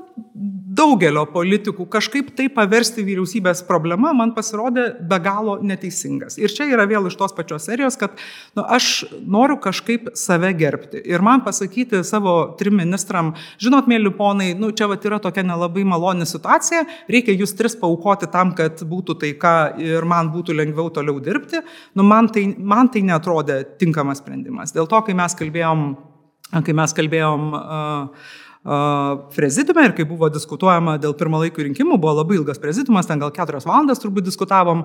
Ir taip buvo žmonių, kurie pasakė, kad čia yra nedekvati reakcija. Bet jeigu kažkas pasakė, kad tai yra tokio svarbumo klausimas, nu, kad čia yra pats svarbiausias klausimas tikrai rinkėjams ir visuomeniai, tai gal eikim tos visuomenės ir paklauskim. Bet e, visuomenės nueit paklausti, Seimas nusprendė, kad nebeklaus, tai tada, nu, ta, tada vėlgi buvo klausimas, ar mes čia turim uh, paukoti tuos tris ministrus dėl to, kad, kad kažkaip problema kažkur dinktų. Tai niekur nedingo. Ir taip Jurgita Šiukždinienė nusprendė atsistatydinti, aš gerbiu jo sprendimą, aš sutikau su jo sprendimu, bet tai buvo jo sprendimas. Aš jos neprašiau atsistatydinti, dar daugiau, aš manau, kad jinai tikrai gerai dirbo ir labai daug padarė Lietuvo švietimui. Bet, bet po to, po, po viso šito balsavimo, turėjom diskusiją vėlgi prezidiume, kaip ir buvom sutarę. Ir sutarėm, kad, kad bandom dirbti toliau. Uh, Mano, sakau, mano klaida pagrindinė buvo ta, kad man tiek buvo prikepę tuo metu nuoskaudos, kad aš tiesiog gal, e, neatsimenu, ten turbūt maratonė klaipėdo ar kur, e, pasakiau tai, ko, ko sakyti viešai neturėjau. Aš kaip prisimenu tą situaciją, tai tikrai labai gerai atsimenu, kad pagalvojau vis dėlto, ar nebūtų toleregiška, galvojant apie Lietuvą, ne apie jūs postę, ne apie vyriausybę, bet apie stabilumą pačioje valstybėje. Pasakyti, kad ir ponė Šiukždinieniai, ačiū Jurgita, ir tu ir aš žinom, kad tai yra neteisinga, bet toleregiškiau ir naudingiau valstybei būtų, jeigu pasitrauktumėt. Ar jums buvo kilę tokių minčių? Ne, man buvo kilę netokių minčių, todėl kad uh, iš esmės ji pati tą pasiūlė. Ji atėjo ir pasakė, aš noriu pasitraukti, nes aš jaučiu, kad tai bus geriau. Ir aš bandžiau ją atkalbėti. Jūs galite galvoti, kad tai buvo mano klaida, man atrodė, kad vis tiek žmogų reikia vertinti už darbą. Ir aš ją vertinau už darbą. Bet, bet kur buvo kita problema, kad to buvo negana, nes dar turėjo atsistatydinti gintarę skaistę, kuri buvo tiek uoli nusprendusi gražinti e, pinigus savivaldybei, kad gražino pinigus savivaldybei net už tuos laikus, už kuriuos savivaldybei nešė čekius, tik tai tų čekių savivaldybėje jau nebėra, nes praėjo dešimt metų čekių saugojimo. Bet, nu, ta prasme, žmonėm tiesiog visiškai dėl to atrodo, kad uh, kaip pasakyti, ta, ta, ta savijauta tokia, kad, kad tu išmušiai Dievo vaikus, bet man didesnė problema ne ten visiškai atrodo, ne šiukždinienė, ne gintarė skaistė ir nesimonė kairyje, o tame, kad visa likusi politikos bendruomenės dalis kažkaip sakė, nu tai čiūrikas, mūsų čia nėra. Tai supraskite, kad aš neturiu jokio asmeninio intereso visame šitame dalyke. Nes aš, kai atėjau į Seimą 16 metais, aš pasakiau taip, kanceliarinės šitos, va, kur turi parlamentarai. Ir tą beje siūlėm dar 2008 metais, kai buvo finansų krizė, kad visas kanceliarinės pridėti prie atlyginimo ir pirkit jūs gėlės, pirkit jūs saldainius, pirkit jūs benziną, pirkit jūs ką norit, nuomokitės mašinas, nes Karbauskis uždraudė mašinas nuomotis, tai dabar ir remontuoja Seimo narytas tas mašinas iki dugno. Ta prasme, aš pati manau, kad tai yra klausimas, kuris labai smarkiai kompromituoja politikus tokiuose nu, visiškai tokiuose menkuose dalykuose, nes tai yra menki pinigai, kuriuose nu, tiesiog tu gali paskandinti savo reputaciją iki, iki dugno. Dėl to aš pasakiau, kad man tas yra neįdomu ir aš šitos kortelės atsisakau, kiek man ten reikės apsimokėti interneto ryšį ar kažką, aš apsimokėsiu pati. Tai asmeniškai aš neturiu nei ką slėpti, nei čekių neturiu, nei nieko neturiu. Ta prasme, tai man tas yra, kažkaip neturiu aš intereso save paslėpti už visos šitos istorijos. Bet man atrodė labai neteisinga, kad, kad sakau, kad yra trys žmonės, kurie tarsi yra išrinkti būti nu, vat, Bet dabar yra, yra daugiau kiteisminių tyrimų, yra ten kitų partijų pirmininkai priversti aiškintis, va, Vilija Blinkevičiūtė visą laiką kalba apie tai irgi, nu, žurnalistų klausimą. Žiūrėkit, kada, kada pirmi išėjo į, kada, kada prasidėjo visa šita istorija nuo švietimo ir mokslo ministerijos, arba tiksliau sakant, nuo Kauno miesto savivaldybės, ar nuo ko ten, jau aš net neatsimenu, Tai uh, tada at, visos, visi tie patys pirmininkai ir tos pačios pirmininkės, jos visos žinojo, kad visi ministrai privalo atsistatydinti. Dabar, kada vyksta kalba, jau pasirodo ir apie tą daržą, tai tada e, ten turi ištirti teisėsaugą, tada kažkokie organai partijos, tada tas, tada anas. Atsiprašau už tai. Tai man atrodo, kad e, tada, man atrodo, reikia visiems ir kas, kas mano ir buvo pagrindinė mintis ir tas Seimo pasiūlymas Seimui, taip sakant, susikratyti šiek tiek. Ta ir pasikratyti, nu, taip sakant, shake the ground truputėlį, kad atsistokim visi ir pasakykim, visi esam nešventi. Nepaisant to, kad atskirai paimti keli asmenys, ten aš ar ten Gabrielius Landsbergis, esam tam kontekste gal baltos varnos, bet vis tiek aš net savo prisijimu šitą kaltę, nes ta sistema yra tokia, kad jinai, nu, kažkaip taip vad žmonės įtraukė negalvoti apie savo reputaciją. Aš apie savo reputaciją galvojau visada, nes man visada atrodė, kad politikas nieko kito neturi. Ir galvodama apie savo reputaciją, šitų kanceliarinių išlaidų atsisakiau nuo pat pradžių. E, kodėl aš paklausiu apie tą e, paskutinį e, jūsų pasakymą, kad jūs galbūt pasitrauksit iš posto, nes yra buvęs toks pasakymas ir anksčiau, ir žmonės tikriausiai, kurie stebi jūsų vyriausybės darbą, prisimena, na, per Belaruskalį visą tą skandalą susijusiu su trašom. Jūs irgi panašiai esat pasakius. Tai iš šono gali pasirodyti ir taip, kad tarsi toks krizės situacijose jūs, na, tarsi gesino tas krizės su tokiu pagazdinimu, kad mes pasitrauksim, tada visas Facebookas sako, ne, premjerė, likit, nesitraukit ir taip toliau. Ką jūs į tai galėtumėte atsakyti? Na, žinokit, aš ne, turbūt, kad neprisimenu, kad būčiau labai uh, ten skaičius kažkokių ugningų raginimų nesitraukti Facebook'e. Labai daug uh, skaičiau tokių komentarų, kur buvo uh, maždaug čia iš proto išsikrausti, ką, ką čia dabar darai, kas čia per nesąmonės, kaip, koks neatsakingumas, kaip tik daugiau, daugiau girdėjau neigiam, neigiamos reakcijos. Bet tai, nu, tiesiog, va čia yra mano, mano tas uh, būdas iš tų silpnybių ir ten tų grėsmių, kur vadinasi, kad ką matau, tą dainuoju. Bet, ta prasme, kai kalba eina apie valstybės paslaptis, tai tada jau kankinkit būdeliai stipriau, jau, taip sakant, uh, vargu ar ką nors iš manęs pavyktų išpešti. Bet tokiais atvejais, kai tai yra susijęs su kažkokia mano vidinė jausena, kartais ta vidinė, ta, kartais ta vidinė jausena iš tikrųjų matosi. Bet su Belkaliu, na, tai ten buvo labai, labai konkreti situacija ir tikrai tiesą sakant, iki šiol man panašiai kaip ir su čekiukais, kas yra panašaus, iki šiol man nėra aišku. Tai ko vis dėlto kritikai iš tikrųjų norėjo, nes tie patys žmonės kritikavo uh, vyriausybę už tai, kad trašos važiuoja, Ir tie patys kritikavo už tai, kad trašos nevažiuoja ir Lietuvos geležinkeliai turi dabar pakankamai, pakankamai ženklių. Jūs čia prezidentą turit minti? Prezidentas irgi pasižymi tuo, kad gali kritikuoti už tą ir už priešingą, bet Seime kolegų tokių, kurie tai daro, irgi pakankamai. Nes kada iškyla klausimas, kur galima mušti Landsbergį, tai muškim Landsbergį, nes yra, nu, atmuškim dabar Landsbergį, nors čia labiau buvo susiekimo ministerijos ir Lietuvos geležinkelių problema negu kad Landsbergio, bet aišku, mušti reikia Landsbergį, bet paskui, kai pasirodo, kad tas turi kitas pasiekmes, nu, va, Lietuvos geležinkeliai neturi gana didelės dalies tų užsakymų, kuriuos turėjo, reiškia, įmonės finansiniai rezultatai yra visiškai kiti, reikia skirti subsidijas iš biudžeto, tam, kad jį galėtų įgyvendinti savo didelius elektrifikavimo ir kitus projektus, reiškia, jau jinai nebegali to įgyvendinti iš pelno, bet mes tai pasirinkom, mes radom sprendimus, vėliau tuos sprendimus pramušėm Europos Sąjungoje, ko negalėjome padaryti po Ryanairo katastrofos, nu, katastrofos na, užgrobimo.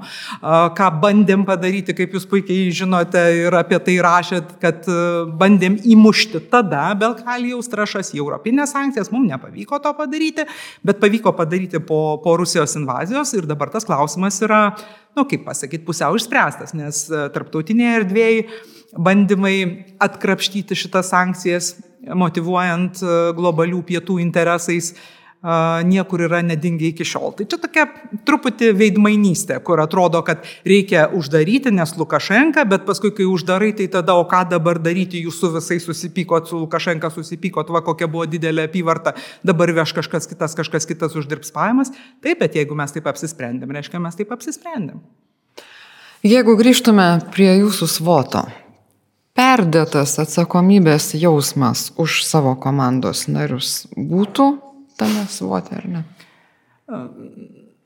Čia, kaip, čia aš dėl Belaruskalį istorijos. Čia kaip vėlgi, kaip su mokytojo atlyginimu padidinimu, kadangi aktualija, tai tiesiog pas, pas, pasinaudosiu tuo, ta analogija. Vienas e, kolega labai mano gerbiamas kalbėjo Lietuvos radijoje ir sakė, kad mokytojams pakelti atlyginimus 50 procentų, nu, čia nedaug reikia pinigų.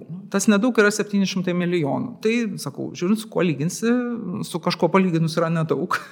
su Lietuvos ekonomika, tai yra vienas procentas Lietuvos ekonomikos. Tai čia irgi tas perdėtas, nu, aš, aš nežinau, kaip, įverti, kaip įvertinti perdėtą, bet taip aš jaučiu atsakomybę už žmonės, kuriuos aš pasikviečiau dirbti į vyriausybę. Nes priešingai legendoms ir padavimams apie tai, kad koks nors žmogus ten man buvo įdėtas, įsiūlytas, įprūdytas, taip koalicijos partneriai žinoma rinkosi savo, savo kandidatus ir, ir, ir, ir juos delegavo, bet uh, visi žmonės, kurie yra Tevinės sąjungos, tai buvo mano pačios pakviesti ir mano pačios pasirinkti. Ir aišku, kad aš už juos jaučiu atsakomybę, ar jinai yra perdėta, man labai sunku įvertinti. O reikia dažnai, pasakykime, taip paprastai išreikščiau, pribėgti pagelbėti. Nes kartais taip to kažkokia įvyksta. Galim paprašiau, ar dažnai tenka už kitus dirbti? Ba, arba taip gal net. Um, nuoširdžiai vis mažiau ir mažiau. vis mažiau ir mažiau. Bet čia tą vertinkit su, su doze ironijos, todėl kad tikrai nesakau, kad visą laiką ar kažkada labai dirbau daug. Aš tiesiog, ką, ką galiu na, pasakyti tikrai atvirai ir nuoširdžiai, kad dauguma žmonių, kurie atėjo į vyriausybę, jie neturėjo darbo vyriausybėje patirties anksčiau. Iš esmės tokios patirties turiu aš, Dainius Kreivys ir, nu, ir daugiau. Navickas dar irgi turėjo. Kestutis Navickas ir jo patirtis nu, ne, ne, nebuvo pati, pati maloniausia, bet ir, ir vis tiek gana trumpa. Nu, ta prasme, aš sakau, aš esu 30 metų begemotas valstybės, valstybės tarnyboje. Tai, tai yra, yra su kuo palyginti. Bet mano supratimu, tai yra ir privalumas, ne tik trūkumas. Todėl, kad tie žmonės nėra užbiurokratizuoti, jie nėra tik apie procedūras ir struktūras, apie ką labai dažnai iš tikrųjų yra viešas administravimas. Kaip vat nerasti kaip nerasti būdo kažką, kažką išspręsti. Ir jie labiau buvo nu, atvirom akim, atvira širdim, tu ateini kažką daryti ir supranti, kad velnės kaip sunku yra šitą vežimą iš tikrųjų stumti. Nes tikrai sunku. Ne todėl, kad žmonės pikti, ne todėl, kad žmonės negeri, ne todėl, kad valstybės tarnyboje nebūtų kompetitingų žmonių. Jų tikrai yra ir labai kompetitingų ir, ir pasišventusių darbui valstybėje, bet, bet labai dažnai tai yra tam tikras lyderystės klausimas, kad tu arba matai, kad tavo ministras nori kažką padaryti ir tada jis tave užmotivuoja dirbti, Arba jeigu tu matai, kad jis nori būti ministru, ten turėti telefoną, vairuotoją ir kitus dalykus, nu, tai tu tiesiog tada parūpini jam darbo. Tu jam parūpini darbo ten kaldamas visokius įstatymų projektus ir nutarimų projektus, su kuriais jisai visur vaikšto, į vyriausybę ir į Seimą ir, ir nu, tiesiog jaučiasi ministru. Tai taip irgi būna ir, ir netaip ir netaip retai. Tai aišku, kad to patarimo reikėjo ir tos pagalbos reikėjo ir to suvedimo kartais reikėjo, kad, kad čia kelių ministerijų klausimas, nes mes labai mažai turim temų, kurios yra vienos ministerijos klausimas, kur viena ministerija gali pati savo viena išspręsti. Nu, kad ir dabar e, aktuali tema, kur labai plačiai diskutuojama, tarkim, paauglių narkotinių medžiagų vartojimas. Ne, tai nei viena policija tai išspręs, nei viena švietimo ministerija tai išspręs, nei šeima viena tai išspręs. Čia vis tiek yra tam tikras triumviratas, kur turi būti, kur turi būti sąveika, bendruomeninė sąveika, kuri gali leisti pasiekti rezultatų. Tai tų tokių, COVID tas pats buvo, nu, tokia pati istorija, migrantų krizė. Nu, atrodo, kad buvo, buvo pakankamai, pakankamai dalykų, kur net iš pradžių galvoja apie dalykus, kur nu, nebuvo tokios minties, nebuvo minties apsitverti tvorą nuo Baltarusijos. Kameras pastatyti taip. Ir tas procesas vyko, tik tai jisai vyko lėčiau, negu kad paskui teko ant fast forward jį paspausti ir, ir, ir, ir viską kuo greičiau pabaigti. Bet nebuvo tokios minties, nu, bet kad jau tokia situacija, tai tokį sprendimą priėmėm ir jį gyvendinom laiku ir už biudžetą, kas netaip dažnai, kas netaip dažnai uh, šiaip, jau, šiaip jau pasitaiko. Tai aš tikrai labai gerbiu savo kolegas, labai, labai myliu, labai vertinu, kartais pasiginčijam, bet, bet jeigu, pavyzdžiui, kas nors na, manęs paklaustų, ar aš jais visais pasitikiu iki šiol, tai taip, aš jais visais pasitikiu iki šiol. O jeigu kalbant apie jūs, kokie sprendimai arba koks laikas premjero postė jums buvo mm, sunkiausias. Aš prisimenu, mes su jumis kalbėjomės prieš e, kokius du metus, jūs tada sakėt, buvo dvi sunkiausios dienos, viena, kai Raniero lėktuvas buvo užgrobtas, mm. o kita riaušės prie Seimo, mes iš karto pariaušių kalbėjom. Mm. O dabar kaip jūs tą apibūdinate? Turbūt, kad uh, dabar jau tų dienų uh, truputį daugiau, tai uh, vis tiek tas Ryanairo nusodinimas, jisai, nu, jis kaip buvo, taip ir liko tokia Nors pati pradžia vyriausybės, vyriausybės darbo buvo be galo sudėtinga, nes kai vyriausybė susirinko, uh, Kaip žinia, COVID ten atvejai ėjo per stogą, ligoninėse jau matėsi tas kraštelis, reiškia, per kurį jau pradės bėgti viskas, viskas iš... Aš labai atsiprašau, tai čia, kad tiesiog turiu trumpą follow-up jūsų iš tą pasakymą. Ar jūs kad nors jautėt, vat, ne tokį, ne tai, kad pyktį prieš tai buvusios vyriausybės, nes galėjo ir rekomendacijom vadovautis ir anksčiau galėjo uždaryti ekonomiką ir panašiai, o kai jūs atėjote tada jau rezultatai dviejų savaičių atgal e, priimtų sprendimų buvo. Žiūrėkit, kas iš to? Nu, kas iš to, kad tu jausi pykti ant buvusios valdžios? Juk... Aš tai toks gal piktas žmogus. Tai. Ne, nu, čia yra tas pats, kas dabar pykti ant e, ponios Blinkevičiūtės už tai, kad socialdemokratų frakcija nebalsuoja už partnerystės įstatymą. Nu, ar pykstu? Nu, nu jo, pykstu. Iš, Ta. iš esmės pykstu, nes aš niekaip negaliu suprasti, kodėl žmogus negali balsuoti už dalyką, kuris atitinka jo programą Aš neprašau jos balsuoti už tai, kas, ne, kas netitinka jos programos, bet kas atitinka jos programą, vien todėl, kad reikia, kad liberalai su konservatoriais pasimuštų, o per tą laiką kentėtų žmonės, kuriems yra reikalingas partnerystės įstatymas. Aš nesuprantu šitų dalykų, bet aš žinau, kad politikoje taip yra, buvo ir dėja greičiausiai bent jau iš dalies bus.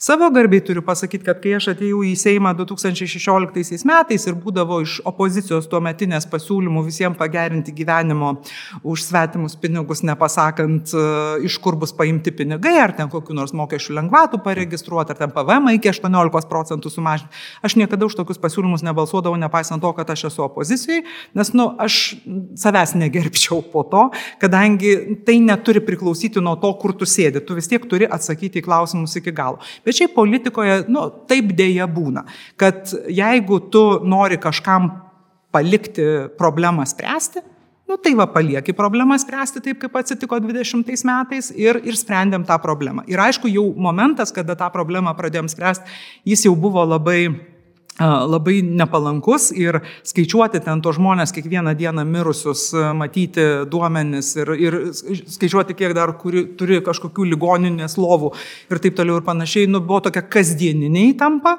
ir buvo labai sunku ir, ir, ir tikrai tas kalėdas aš atsimenu kaip didžiausią košmarą, nes tada sėdėjau tiesiog apsikabinusi eglę turniškėse ir galvojau, nu, ką, ką, dabar, ką dabar daryti, bet buvo vis tiek aišku, kad tai yra, nu, buvo aišku, kas kas bus, kad tai yra vakcina, kad jinai jau yra, kad jos čia jau kažkiek atvažiavo, nu ten pradžioje buvo visokiausių skandalėlių su to susijusių, kaipgi be šito, bet vis tiek, kad tai yra tik tai laiko klausimas, kada ta situacija bus suvaldyta ir ji bus suvaldyta daug greičiau negu kad buvo galima galvoti, nes vakcina atsirado labai greitai. Bet paskui, žinoma, Lukašenkos šitie uh, Ryanairas, paskui migrantai, kai tu staiga vieną dieną supranti, kad kažkas gali būti tiek sik uh, galvoj, kad nu, tiesiog veštųsi žmonės lėktuvais tam, kad juos stumtų prie tavo sienos, nes nu, migracija yra dalykas, kuris per amžius amžinuosius, tu žinai, kaip jinai atrodo viduržėmio jūroje, nu, ta prasme, daugiau mažiau mes, mes tą, tą, tas tendencijas stebim ne pirmi metai, bet kad tai galima būtų organizuoti tyčia su valstybės institucijų, reiškia, įsitraukimu, nu, Buvo dviratininkai Norvegijoje, buvo ten prie Suomijos sienų visokiausių dalykų, bet masas jau atrodė tikrai, tikrai, tikrai labai, labai, labai žiaurus. Riaušės prie Seimo buvo labai sudėtinga diena.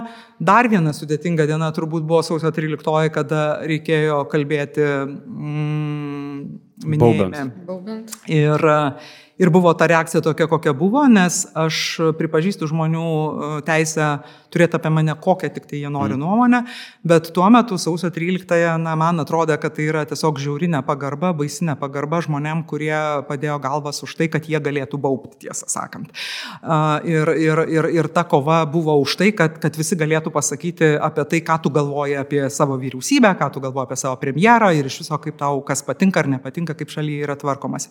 Ir aišku, ta pati 24-osios 24 vasario nu, para, nes ten jau negali pasakyti, ten, ten tiesiog buvo tokia tasa kelių dienų, kuriuose jau, sakau, jau aš tokioj pusiau, pusiau sąmoniai būdravau ir uh, ryte, kada, nu jau kaip pakalbėjo Putleris ir buvo jau aišku, kad jau tuoj prasidės, prasidės turbūt ir puolimas, prižadinau Estijos premjerę, jai paskambinus pasveikinti su nepriklausomybės diena, nes tai, buvo nepriklausom, tai yra Estijos nepriklausomybės diena, kaip tik aš jai paskambinau, sakiau, sveikinu tave su nepriklausomybės diena, bet by the way, įsijung visus telekus, kokius turi, nes, nes prasidėjo... Tai jūs nemegojat. O, paikite. Aš žinot iš anksto, kad ta prasme, tai gali būti tą dieną. Tai aš pirmadienį paklausiau ten tą įrašą, kuris ten buvo kelių valandų rentinimo to visiškos beprotybės, jau buvo aišku, kad čia yra valandų valandų klausimas. Ir aš iš esmės visą tą laiką iki pat to ketvirtadienio uh, įsijungiau tada jau tada ketvirtadienį ryte, kai ten buvo tas eilinis jo kažkoks tai išsiliejimas pasąmonės rauto. Ir, nu, ta prasme, ne, ne, ne, ne, ne, nebuvo nieko nuostabaus iš tikrųjų. Jau buvo aišku, kad čia žinai, ko laukia. Ir, ir, nu, ir, ir laukia. Taip. Visiškai taip pat esu pasakęs, tas tris dienas prisimenu. Aš premjerė e, šiek tiek turiu tokį asmeninį klausimą su jumis, tokio, šiokią tokią nuoskaudą, ne tai kad nuoskaudą.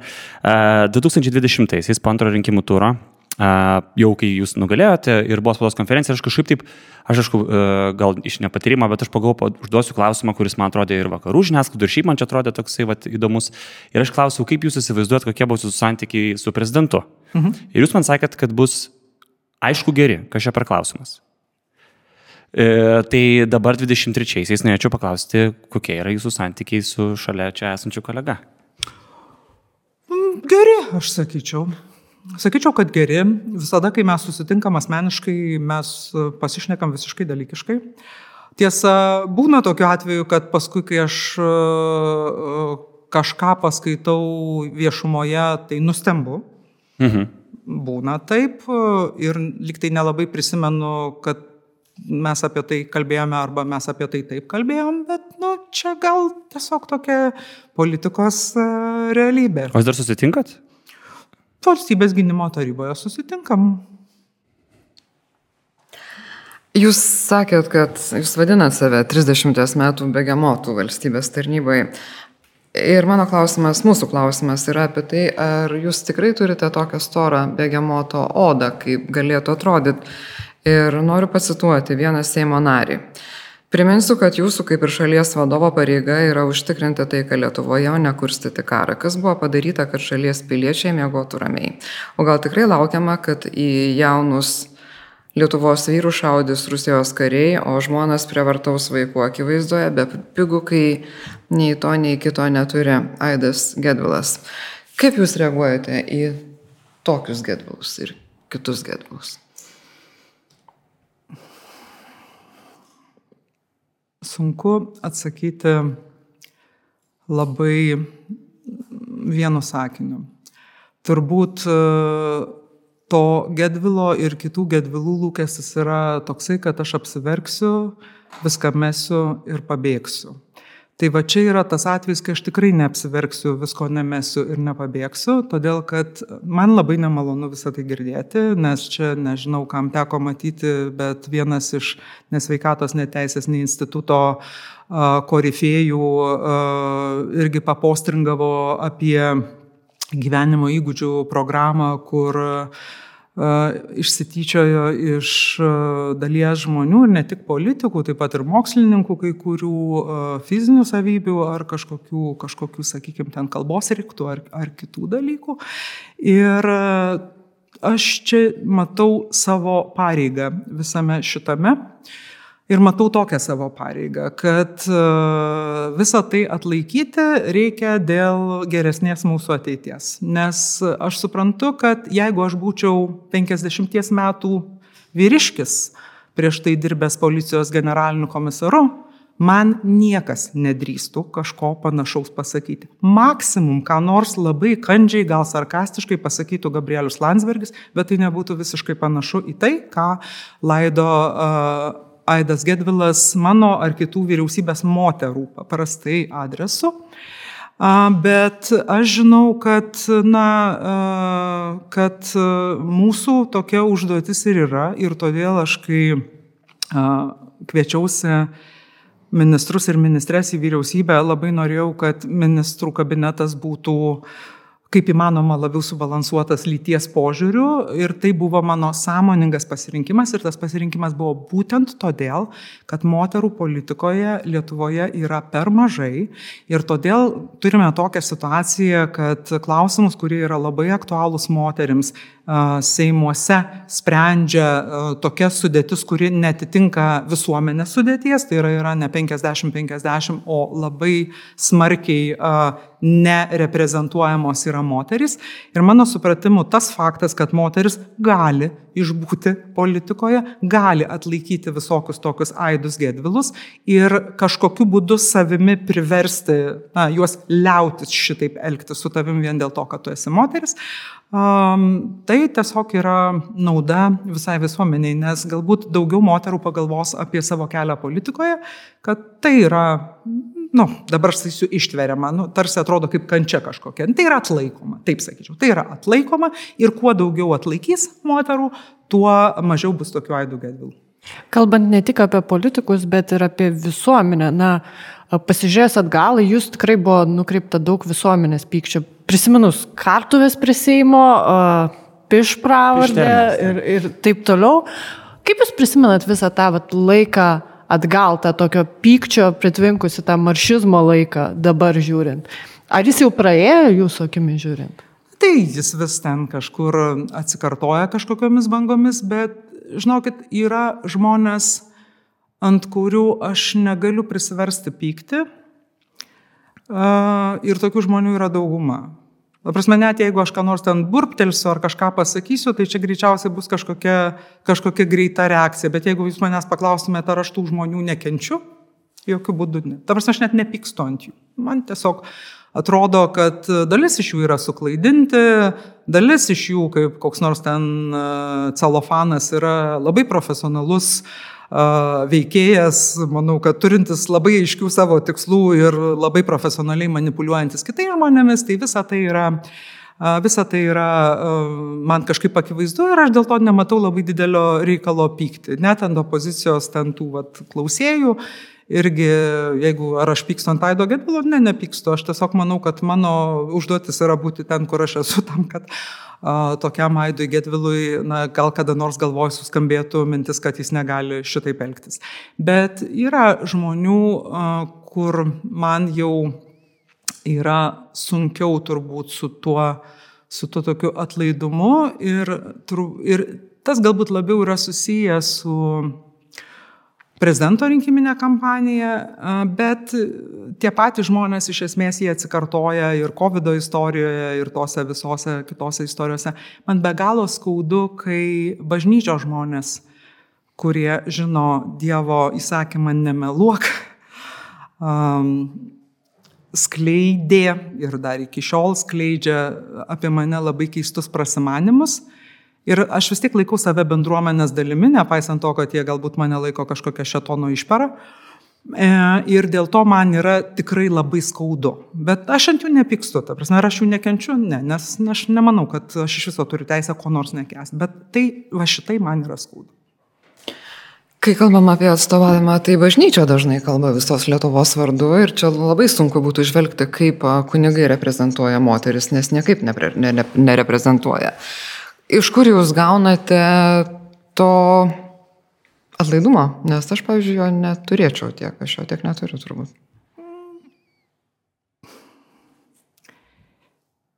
Yra turbūt tokia pragmatinė pusė reikalo ir kita pusė galbūt tokia patirtinė. Pragmatinė reikalo pusė yra Nu, vat, o kas iš to, kad tu visą laiką galvosi apie tos žmonės ir visada ant jų pyksi? Prasme, kas dėl to pasikeis? Tu greičiausiai jų nepakeisi, tu jų neįtikinsi, tu kažkaip jų nepalenksi į savo pusę. Kartais atrodo net, kad 2 plus 2 yra 4, įrodyti žmonėm, kurie nenori tavęs klausyti, yra labai sunku. Tai tiesiog palieki ir eini. Tokia nepolitkorektiškas romanas Vėjo nublokšti apie, apie pilietinį karą mm, Junktinėse Amerikos valstijose ir jo pagrindinė heroja, kuri turėjo tokią frazę, aš apie tai pagalvosiu rytoj. Bet pagalvojat rytoj? Ar vis rytoj rytoj? Žinokit, daž, dažnai tas rytoj tiesiog nebeteina, nes tu rytoj turi galvoti apie milijoną kitų dalykų ir tai tiesiog nebeverta tavo, nebeverta tavo dėmesio. O kitas dalykas yra, kad, na, nu, aš nemėgstu kalbėti apie savo e, asmeninį gyvenimą ir šiaip apie asmeninės patirtis, bet manau, kad jos e, turėjo tam tikros įtakos tam, e, kuo aš esu politikoje. Nes mano amžinatilsi mama, kuri tikrai labai daug metų sirgo ir sunkiai sirgo ir jau paskutinius savo gyvenimo metus buvo, kaip čia pasakyti, perdėtai reikli, gal net ir, ir, ir, ir visiems žmonėms, kurie buvo aplink ją kažkaip mane išmokė tokio, na, vėlgi to paties supratimo, kad o kas iš to, kad tu pyksi? Tu tik tai deginsi savo kažkokias emocijas ir kažkokią savo, savo na, vidinę kažkokią, kažkokią jėgą ar kažkokį, kažkokią vidinę ramybę tam, kad kovotum su dalykais, e, kuriais, kurių tu negali nugalėti. Tuo, tuo atveju kalbėdavo lyga, kartais kalbėdavo labai nemalonius, kartais net baisius dalykus, nu, bet uh, Bet nu, tu supranti, kad kalba lyga. Tai kartais kalba neišmanimas, kartais kalba manipuliavimas, kartais kalba propaganda, kartais kalba sąmoningas melas. Ir tiesiog tu turi ne, ne, negalvoti, kad tai kalba tas žmogus, o tai kalba kažkoks labai, labai konkretus reiškinys ar, ar, ar, ar, ar kažkoks konkretus dalykas. Ir, ir tada kažkaip ne, nesunku nepykti. Jūs apie vėlionės mamos mirtį paskelbėte Ne iš karto. Kiek tai buvo susijęs su jūsų kaip politikės gyvenimu, kiek apskritai su jūsų asmeniniais bruožais? Aš nepaskelbiau iš viso. Turiu pasakyti, kad nežinau, iš kur žiniasklaida sužinojo ir manęs tiesiog paklausė. Ir jau buvo praėjęs, buvo praėjęs mėnuo nuo mamos mirties. Um, Man buvo labai sunkus laikas, nes paskutiniai mamos gyvenimo mėnesiai buvo labai sudėtingi e, ir iš esmės aš nu, visus tos mėnesius praleidau santaros klinikose ir man tikrai nu, buvo, buvo labai, lab, labai toks didelis, didelis emocinis krūvis. Ir žinot, kai būna žmogui, kuris yra nu, kažkiek labiau žinomas. Tada niekada iki galo nežinai, kiek sveikinimų ir užuojautų yra nuoširdus, o kiek dėl to, kad taip reikia. Tai aš labai nemėgstu, kai mane sveikina su gimtadieniu dėl to, kad taip reikia. Aš nepakenčiu šitų valdiškų sveikinimų ir dėl to dažniausiai per savo gimtadienį išeinu atostogų. Kad e, negaučiau tų visų bukietų, kurių paskui nežinau, kur dėti ir, ir nežinau, ką, ką su jais daryti. Tai gerai, kad paskutiniu metu jau esu atradusi dabar tokį labai, labai gerą santykį ir sakau, visi, kas nori mane pasveikinti, 1482 ir visi kiti dalykai tinka ir prašau, prašau mane pasveikinti tenai ir tas, tas, tas neblogai veikia. Tai lygiai taip pat ir su, su su, mamos laidotuvėm aš tiesiog neturėjau jėgų būti ir vaidinti aukštuomenės damą. Tuo metu, kai mane buvo prislėgęs labai labai didelis nu, skausmas ir tas, tas toksai supratimas, kad nu, labai labai didelis krūvis, kuri, kuris teko paskutinį laiką, kad jisai staiga baigėsi. Ir aš norėjau tiesiog tyliai, ramiai pabūti su savo pačiais artimiausiais ir, ir labai džiaugiuosi, kad man pavyko. Atsiprašau, kad uždaviau šį klausimą ir ačiū, kad atsakėt. Galime eiti prie aktualių, gal pabuškai grįžti, manau, šiek tiek bus. Ar, ar tu dar kažką norėjai ne, neaktualių? Turim laiko. Gal praleiskim aktualijas ir reikim prie kontributų. Turime. Jeigu premjerė sakė, kad... Prie CV? Jeigu 15 minučių savo pietų mums paskolins, tai manau, suspėsim. Vis tiek paliekam badauti jau. Tai. Uh, ne, aš šiek tiek jūs jau užsiminėt vieną klausimą, aš e, norėčiau uh, sugrįžti prie jo. Uh, tai būtų dėl, kaip jūs vertinat apskritai mūsų narkotikų kontrolės, uh, nežinau, nu, politiką Lietuvoje? Na vėlgi, vakar buvo toks pareiškimas nuskambėjęs, kad prevencija neveikia. Bet aš su tuo nesutinku, todėl kad mano supratimu normalios prevencijos ir nebuvo. Mhm. Buvo kažkokie fragmentiniai priešokiais, reiškia daryti dalykai, kai kuriuose mokyklose gana sėkmingai ir gana, gana gerų tų pavyzdžių yra mokyklų, kur labai stiprios tos yra antipsichotropinės programos e, vykdomos ir, ir, ir, ir bendruomenės yra labai įsitraukusios ir ne piešinų konkursas, o, o ta prasme normali metodiška veikla. Bet čia ir yra tas, tas klausimas, dėl kurio mes va dabar labai daug iečių laužom dėl tų vadinamų gyvenimo įgūdžių ir, ir, ir turinio. Atrodo, kad visas turinys gyvenimo įgūdžių pamokų yra apie litiškumo ūkdymą, kurio ten yra tokia turbūt vienženklio procento dalis, bet ten yra daug kitų dalykų labai svarbių, skaitant ir nuoseklų ūkdymą psichotropinių medžiagų naudojimo žalos klausimą. Taip. Ir čia yra ne tik, kad mokytojas ateis prie lentos ir papasakos tau, kaip blogai yra vartoti narkotikus, nes greičiausiai tą tau sako mama, tą tau sako mokytojai, tą tau sako visi, o tu esi žingeidus paauglys ir va, kažko, kažkokie dalykai kartais ima, ima ir atsitinka. Tai yra žmonės, kurie tuose programuose yra pasitelkiami kaip, kaip partneriai. Ir tai yra ir nevyriausybininkai, ir medikai, ir pareigūnai gali būti, ir taip toliau. Bet man atrodo, kad dabar mes turime tokią diskusiją pasisukusią į vieną pusę. Reikia kietųjų priemonių.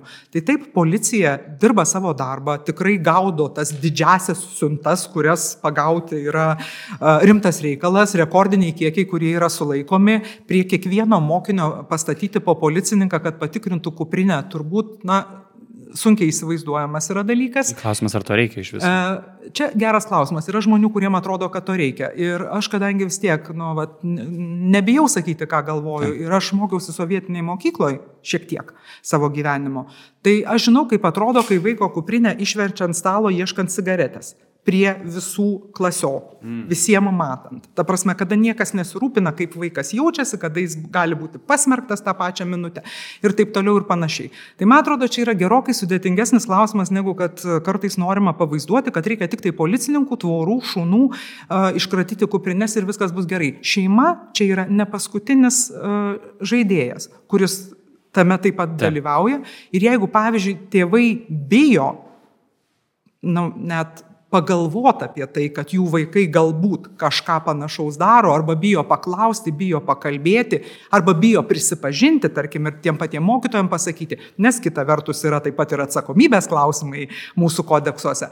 Tai akivaizdu, kad, kad sistema veikti gerai negali. Tai man atrodo, kad čia yra proga uh, gerai pagalvoti, ką galim padaryti geriau ir dabar uh, bus uh, bus pora pilotinių modelių keliose savivaldybėse, būtent orientuoto į sąveiką tarp bendruomenės, tiek teisės saugos, tiek mokyklų bendruomenės, tiek šeimos. Ir galėsim palyginti, kiek rezultatai skiriasi nuo to, ką turime kitose savivaldybėse. Nes kitas klausimas yra, čia sakote, per griežtai, ar jūs dėl, krimina, dėl kriminalizavimo, aš taip paprastai paklausiu, kokia būtų jūsų pozicija? Na, aš, aš balsavau visada už uh, tuos projektus, taip. kurie dekriminalizuoja mažo kiekio laikymą. Aš girdžiu tuos argumentus, kuriuos sako kritikai, kad čia kažkokiu būdu atversi kelią reiškia, tiem, kurie yra, kurie yra dileriai ir yra priekeiviai, bet šiuo atveju aš kliaunuosi ekspertų išvadomis ir nu, didžioji dalis mano žinomų ir gerbiamų ekspertų vienareikšmiškai sako, kad tai yra neadekvati atsakomybė. Ir taip, Seime ta diskusija, kaip matot, yra dabar įstrigusi svarstymo stadijoje, dėl to, kad yra ir priešingų nuomonių, yra ir manipulacijos, legalizavimo painiojimas su dekriminalizavimu, kas yra nu, tokia, kas yra tokia tiesiog, tiesiog manipulacija. Bet e, akivaizdu, kad, kad politinis debatas dėl to yra nu, labai karštas ir ar mums pavyks prieiti kažkokio tai gero sprendimo šitame Seime, aš e, nebūčiau tikra. Žiūrint į politinius debatus, kaip jums atrodo? Tu prasme, atrodo, kad pastaraisiais metais Lietuvos politika tapo viena apie tokius, kiekvienas klausimas tapo civilizaciniu arba vertybiniu, narkotikų dekriminalizavimas, partnerystės įstatymas, Stambulo konvencija. Gyvenimo įgūdžių programa. Vis. Gyvenimo įgūdžių programa, dabar skiepai kodėl dauguma, atrodo, politinių įprastų klausimų visuomeniai dabar priimami kaip, kaip vertybiniai klausimai, nors iš tikrųjų jie nieko bendro su vertybėm neturi, na, skiepai nieko bendro, atrodo, neturi su žmogaus vertybėm. Laisvė, numirti, nežinau. Tai tas pats dekriminalizavimas lygiai taip pat, tai yra juk pamatuojamas moksliškai teisinis klausimas. Ar nėra taip, kad e, tiesiog pastaruoju metu daug jautriau žiūrima į įvairiausius klausimus? Vėlgi aš grįšiu prie to paties, kad e, tas jautresnis žiūrėjimas, jisai yra atsiradęs ne, ne dėl to, kad kažkaip visuomenė yra sujautrėjusi pati savaime. Aš manau, kad tai yra fenomenas e, socialinių tinklų ir to, kad bet kas gali tapti naujiena ar žinia per porą sekundžių. Ir e, tai jau yra ne, ne tas laikas, kai tam, kad nu, kažkas taptų tikrai naujiena, tai kažkas turi kažką ištirti, parodyti vakare per žinias, tada kitą dieną parašyti laikraštyje, ten institucijos, kurios susijusios su tema, suka galvas, ką atsakyti žurnalistams, kad ir atsakyti, ir bet galbūt kažko ant savęs neprisikalbėti. Nu, ta, ta, ta, uh, tarpsnį žiniasklaidos aš dar irgi mačiau ir todėl matau labai gerai, koks yra dabar skirtumas. Dabar tu gali pasakyti Twitteryje X ar kaip jis ten vadinasi, ar Facebook'e miau ir tas miau gali pasidaryti kažkas penkiem milijonam žmonių. Ir visi kiti bėga iš paskos. Ir kada vyriausybė dažniausiai yra, nu, priekaištas vyriausybė yra teikiamas, kad vyriausybė blogai komunikuoja. Aš kai pasikalbu su savo kolegom premjerais, aš suprantu, ką komunikuoja blogai visos vyriausybės. Bet, e, nes visur yra ta pati pastaba.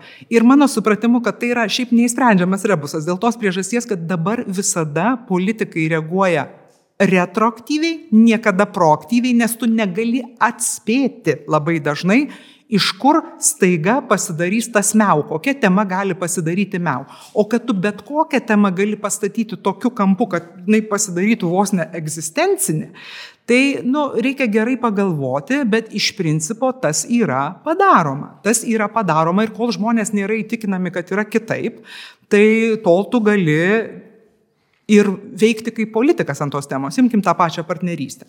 Ne, aš vat, turėjau tokį labai įdomų pavyzdį diskusijos su Ispanijos premjeru. Labai katalikiška valstybė teisino uh, tos pačios lyties santokas. 17 ar 18 metais, neatsimenu. Tai klausiu, sakau, kaip, kaip čia su bažnyčia ir visuomenė, kaip, kaip atsitiko taip, kad jums pavyko tą padaryti? Kiek buvo žmonių, kurie buvo prieš? Na, jis man sako, žinai, prieš sprendimą priimant žmonių, kurie yra prieš, buvo apie 40 procentų. Tada įstatymas galiojo keletą metų, Ir dabar tų žmonių, kurie yra prieš, nu, likę ten 70 ar panašiai. Kas atsitiko? Žmonės įgyjo patirtį.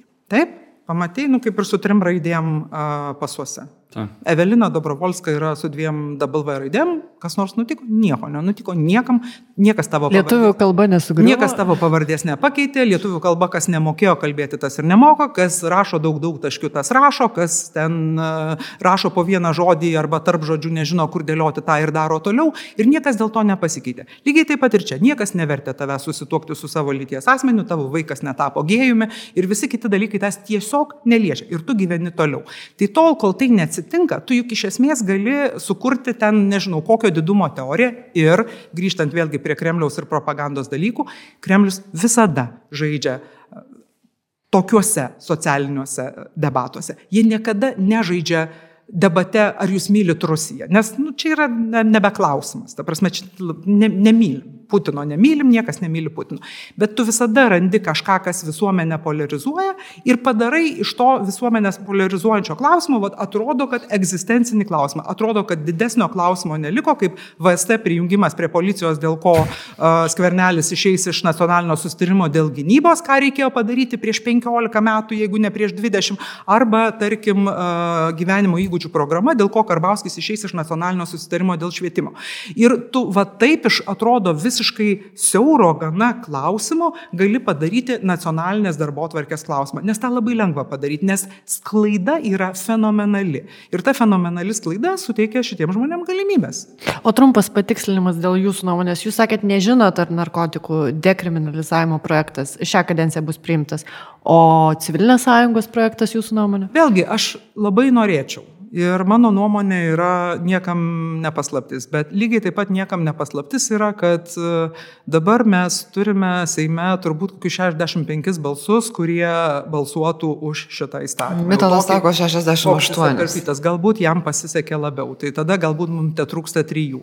Bet uh, man šitoje istorijoje yra apmaudžiausia, nes 2020 metais, kai mes pasirašinėjom koalicijos sutartį ir kai buvo aišku, kad nu, tai negali būti vyriausybės programos dalis. Todėl, kad Tevinė sąjungoje yra dalis e, bendruomenės, kuri niekada gyvenime nebalsuos už šitą įstatymą, už pavardžių rašymo įstatymą, tą, kurį Seimas priėmė su opozicijos balsais, ir ten už Stambulo konvenciją ir kažkokius kitus dalykus. Bet, e, bet nu, tu visą laiką kliaujasi tokia racionalia logika, kad tie žmonės, kurie šitai yra įsirašę į savo programą opozicijoje, nu tai jau tikrai balsuos. Ir tada mes susitarėm, kad mes dedam pastangas, kad rastumėm tam balsų ir tiesiog tuos įstatymus tengiamės priimti. Tai dėl vardų ir pavardžių rašymo tą pavyko padaryti, pavyko įkalbinti opoziciją, pavyko tą įstatymą priimti, nepaisant to, kad dalis mano pačios frakcijos balsavo prieš, dalis, man atrodo, liberalų sąjūdžio frakcijos balsavo prieš. Bet e, su partnerystė, nu, tai aš kai girdžiu uh, Sosdemų partijos pirmininkės paaiškinimą, kodėl yra nebalsuojama, kad jį tai balsuotų, bet bet dabar tai tegu liberalai su konservatoriais išsiaiškina, mes neturim ką aiškintis. Konservatoriai neturi šito savo programoje, nes negali turėti. Bet uh, sosdemai turi šitą savo programoje. Ir kodėl tau reikia, kad žmonės, kurie laukia šito įstatymo ir toliau lauktų šito įstatymo vien todėl, kad tau įdomu žiūrėti, kaip konservatoriai su liberalais, tiesą sakant, ne tai, kad mušasi, o tiesiog skėščioja rankomis, nes nu, esame pato situacijoje, tai man, man tas yra neaišku. Ir niekas man šito paaiškinti negali. Ir čia yra turbūt vienas iš didesnių mano apsiskaičiavimų, jeigu e, taip jau pasakyti per visą šitą laiką, nes 20 metais, kai mes sudarinėjome tą įstatymų sąrašą, aš savo kolegoms sakiau, niekas mes tikrai rankų ne, nelaužysim, nereikalausim jūsų pakeisti savo nuomonę, bet jūs nepykit, mes ieškosim balsų tiesiog kitoje Seimo salės pusėje. Ir kai kuriem įstatymam juos juos rasti pavyko, o šitam įstatymui iki šiol dėja ne. E, mes turim e, vieną klausimą, kuris yra į du klausimus padalintas iš e, mūsų kontributorės, man atrodo. Taip. Mes paprašėm, kad užduotų klausimus ir tas klausimas yra toks. Ar kelsite savo kandidatūrą į prezidento rinkimus ir ar apkarto ministras pirmininkės postas? Rytoj penktą valandą. Čia o, kuris atsakymas? Apkarta? Dėl, dėl pirmo klausimo. O dėl, e, dėl ministrės pirmininkės posto e, apkartimo, nu, aš atėjau į šitą poziciją dirbti. Aš netėjau ją pabūti ministro pirmininku, nes man reikia į CV įsirašyti ministro pirmininko uh, pareigybę, nes aš sakyčiau, kad tai nebūtinai CV yra puošmena, gali būti kaip tik dar ir, ir minusas, nežinau, čia, čia, čia kaip, kas, kaip kas vertintų. Ir kadangi aš neįsivaizdavau, kas čia yra per darbas, o žinau, kas čia per darbas, todėl kad arti labai šito darbo buvau daug laiko, galiausiai dirbau ir ministrė, ir buvau vyriausybės, vyriausybės narė, tai nu, man buvo labai aišku, kokią atsakomybę aš prisijimu. Ir aš stengiuosi daryti savo darbą taip gerai, kaip sugebu. Ir kai aš baigsiu savo darbą, aš tikrai turėsiu kuo pasidžiaugti, aš tikrai turėsiu dėl ko paliūdėti, ko man padaryti nepavyko, bet aš tikėsiuos, kad tuos dalykus, kurie yra nu, vis tiek padaryti anksčiau ar vėliau, tada padarys vėlesni premjerai. Čia šių dienų nauja polemika yra, kad Šimonytė turėtų eiti į Europos komisiją ir greičiausiai nesunkiai gautų vicepirmininkės vietą. Turit tokių minčių?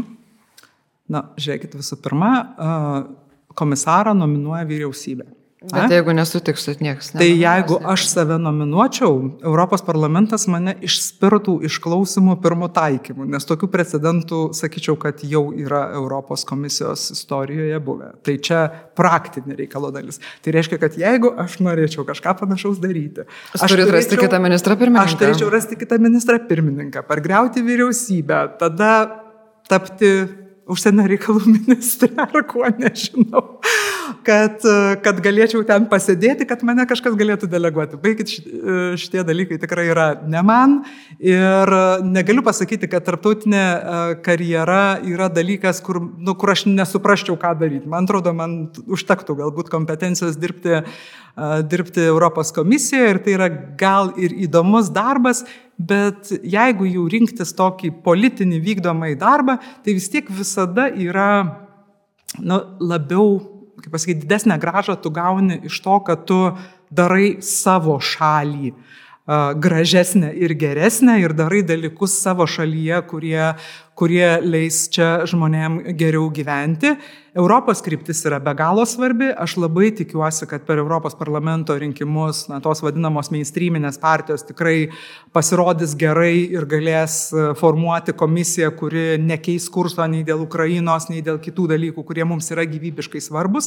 Tai čia labai labai tikrai visą širdim palaikau ir, ir Europos liaudės partiją ir tikiu, kad jie turės gerų kandidatų į Europos komisijos pirmininkus ir, ir atsiras gerų kandidatų į komisarus. Bet gal kas nors, kas svarsto apie tai, labai nori manim atsikratyti, nežinau. Dar šiek tiek pabaigsiu tos kontributorės klausimas buvo, nors jūs šiek tiek jau buvote užsiminus, bet vat, gal taip konkrečiau žmogus jūsų klausė, kiek stipriai ir kada buvo paskutinis lašas, kai jau kilo mintis dėl atsistatydinimo? Nu, turbūt stipriausiai ir buvo tada, kai, kai buvo visa šita istorija su su tom visom kanceliarinėm ir, ir, ir, ir, ir, ir panašiais dalykais ir aš jaučiau tuos prožektorius į mane nukreiptus ir girdėjau to šnapždėsius už nugaros ir man tą šnapždėjo ne tik politikai, man tą šnapždėjo labai daug žmonių, kuriuos aš pažįstu ir net gerbiu. Ir jie man sakė, nu klausyk, nu, numesk, naugi trukdo eiti, tu numesk ir eik. Bet, nu, aš esu karys. Pagal savo natūrą aš esu karys. Aš nemesiu niekada žmogaus, kuris yra mano bendražygis. Tai jeigu tikrai mes čia kažką padarėm visi tokio blogo, nu, tai tada visi kažkaip ir prisimkim tą atsakomybę, nu, kad jau šitaip. Bet kad nei vieno gero šitoje istorijoje irgi nėra. Tai tai man buvo, nu, tokia turbūt va, tas paskutinis lašas, nes mane uh, auklėjo žmonės, kur, nu, patys, jeigu atsidarytų spintą ir prasirinktų lentynas, ten tose lentynose rastų visokiausių dalykų. Tai tada tai buvo ne tai, kad darbas ar problemos už, nu, už, už kažkaip sugniuždė ar kažkas. Tiesiog toks neteisingumo jausmas, žinai, gan vaikiškas, gal taip sakyčiau, man atrodo, vaikai, bet panašiai, neteisybė jaučia, kai jiems kažkas atrodo labai neteisinga. Tai man toks, toks visiškas neteisybės jausmas, kuris mane tada buvo ištikęs. Ir, ir tada, sakau, viešumoje turbūt aš pasikarščiavau, nors ne viešumoje aš turbūt pasikarščiavau dar ne taip.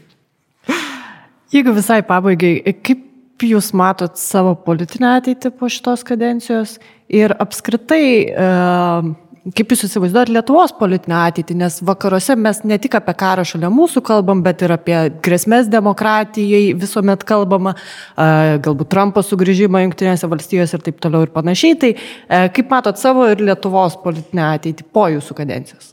Aš manau, kad e, Lietuva šiaip yra ne šiaip, kad, nu, čia klišė tokia būtų pasakyti, kad padarė e, didžiulę pažangą ir turint mintį, kad e, ten mūsų materialinis gerbuvis paugęs yra kartais ir kad mes disponuojame visai ne tais ištekliais, kuriais disponavom dar prieš kokius 15 metų, tada, kai aš buvau finansų ministrė, ir kad mes sprendžiame visai kitus iššūkius, mes jau čia dabar ne, ne, ne tiek žiūrim, kaip galus su galais sudurti, kas aišku visada yra klausimas, kai mes grįžtam prie biudžeto, bet ne tiek ta prasme, kaip sudurti galus su galais, bet kaip pasirinkti teisingai prioritetus ribotų išteklių sąlygomis ir, ir tos finansinės paramos, kurios Lietuva sulaukia iš ES įvairia forma, tikrai dėka, nu, pagražėjo mūsų būtis visame kame, bet man atrodo, kad mes ir kaip žmonės, mano vertinimu, čia yra mano vertinimas, jis yra visiškai subjektivus, gali kažkam nepatikti, nepaisant visų tų piktumų ir kažkokių ten švilpimų ir baubimų ir kartuvių ir kitų dalykų, aš manau, kad mes kaip visuomenė mes tikrai daromės geresni. Ir ypatingai uh, man geresni atrodo uh, žmonės, kurie yra jaunesni už mane.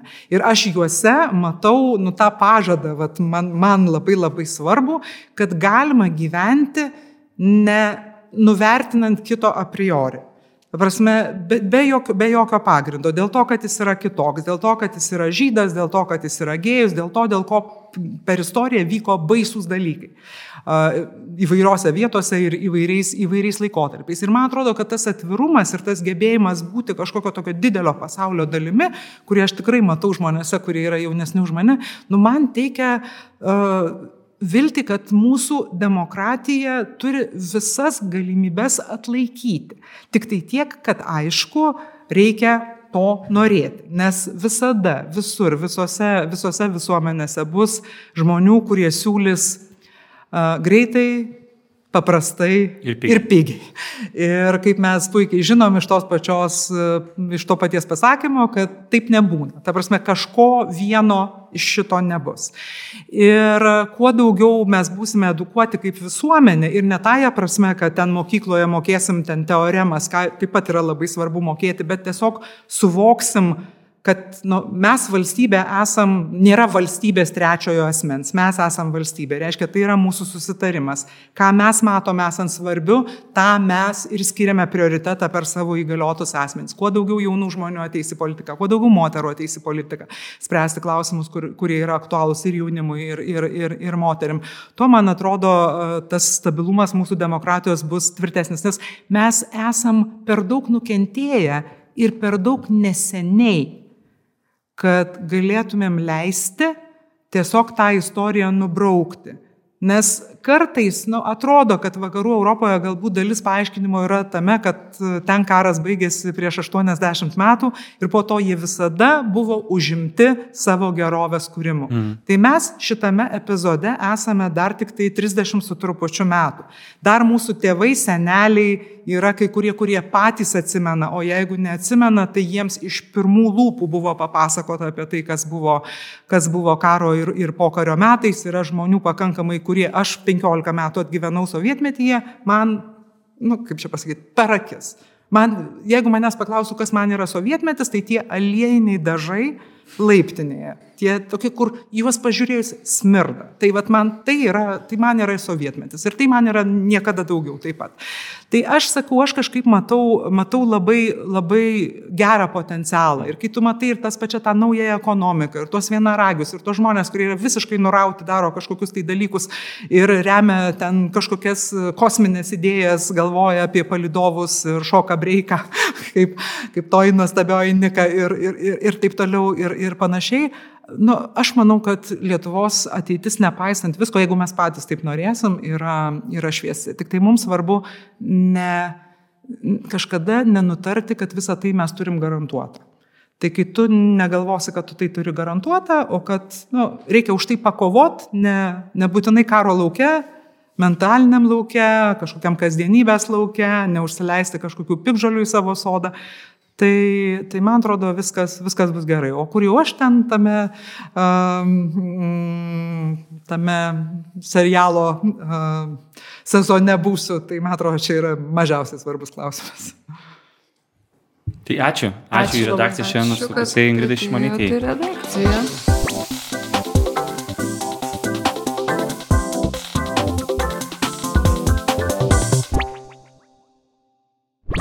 Žiūrėkit, galima spurgyčių, jeigu... Ne, ne, nu gerai. Many, many minutes later. Gal jau dabar spurgyčių? Jo, žinokit, jau dabar.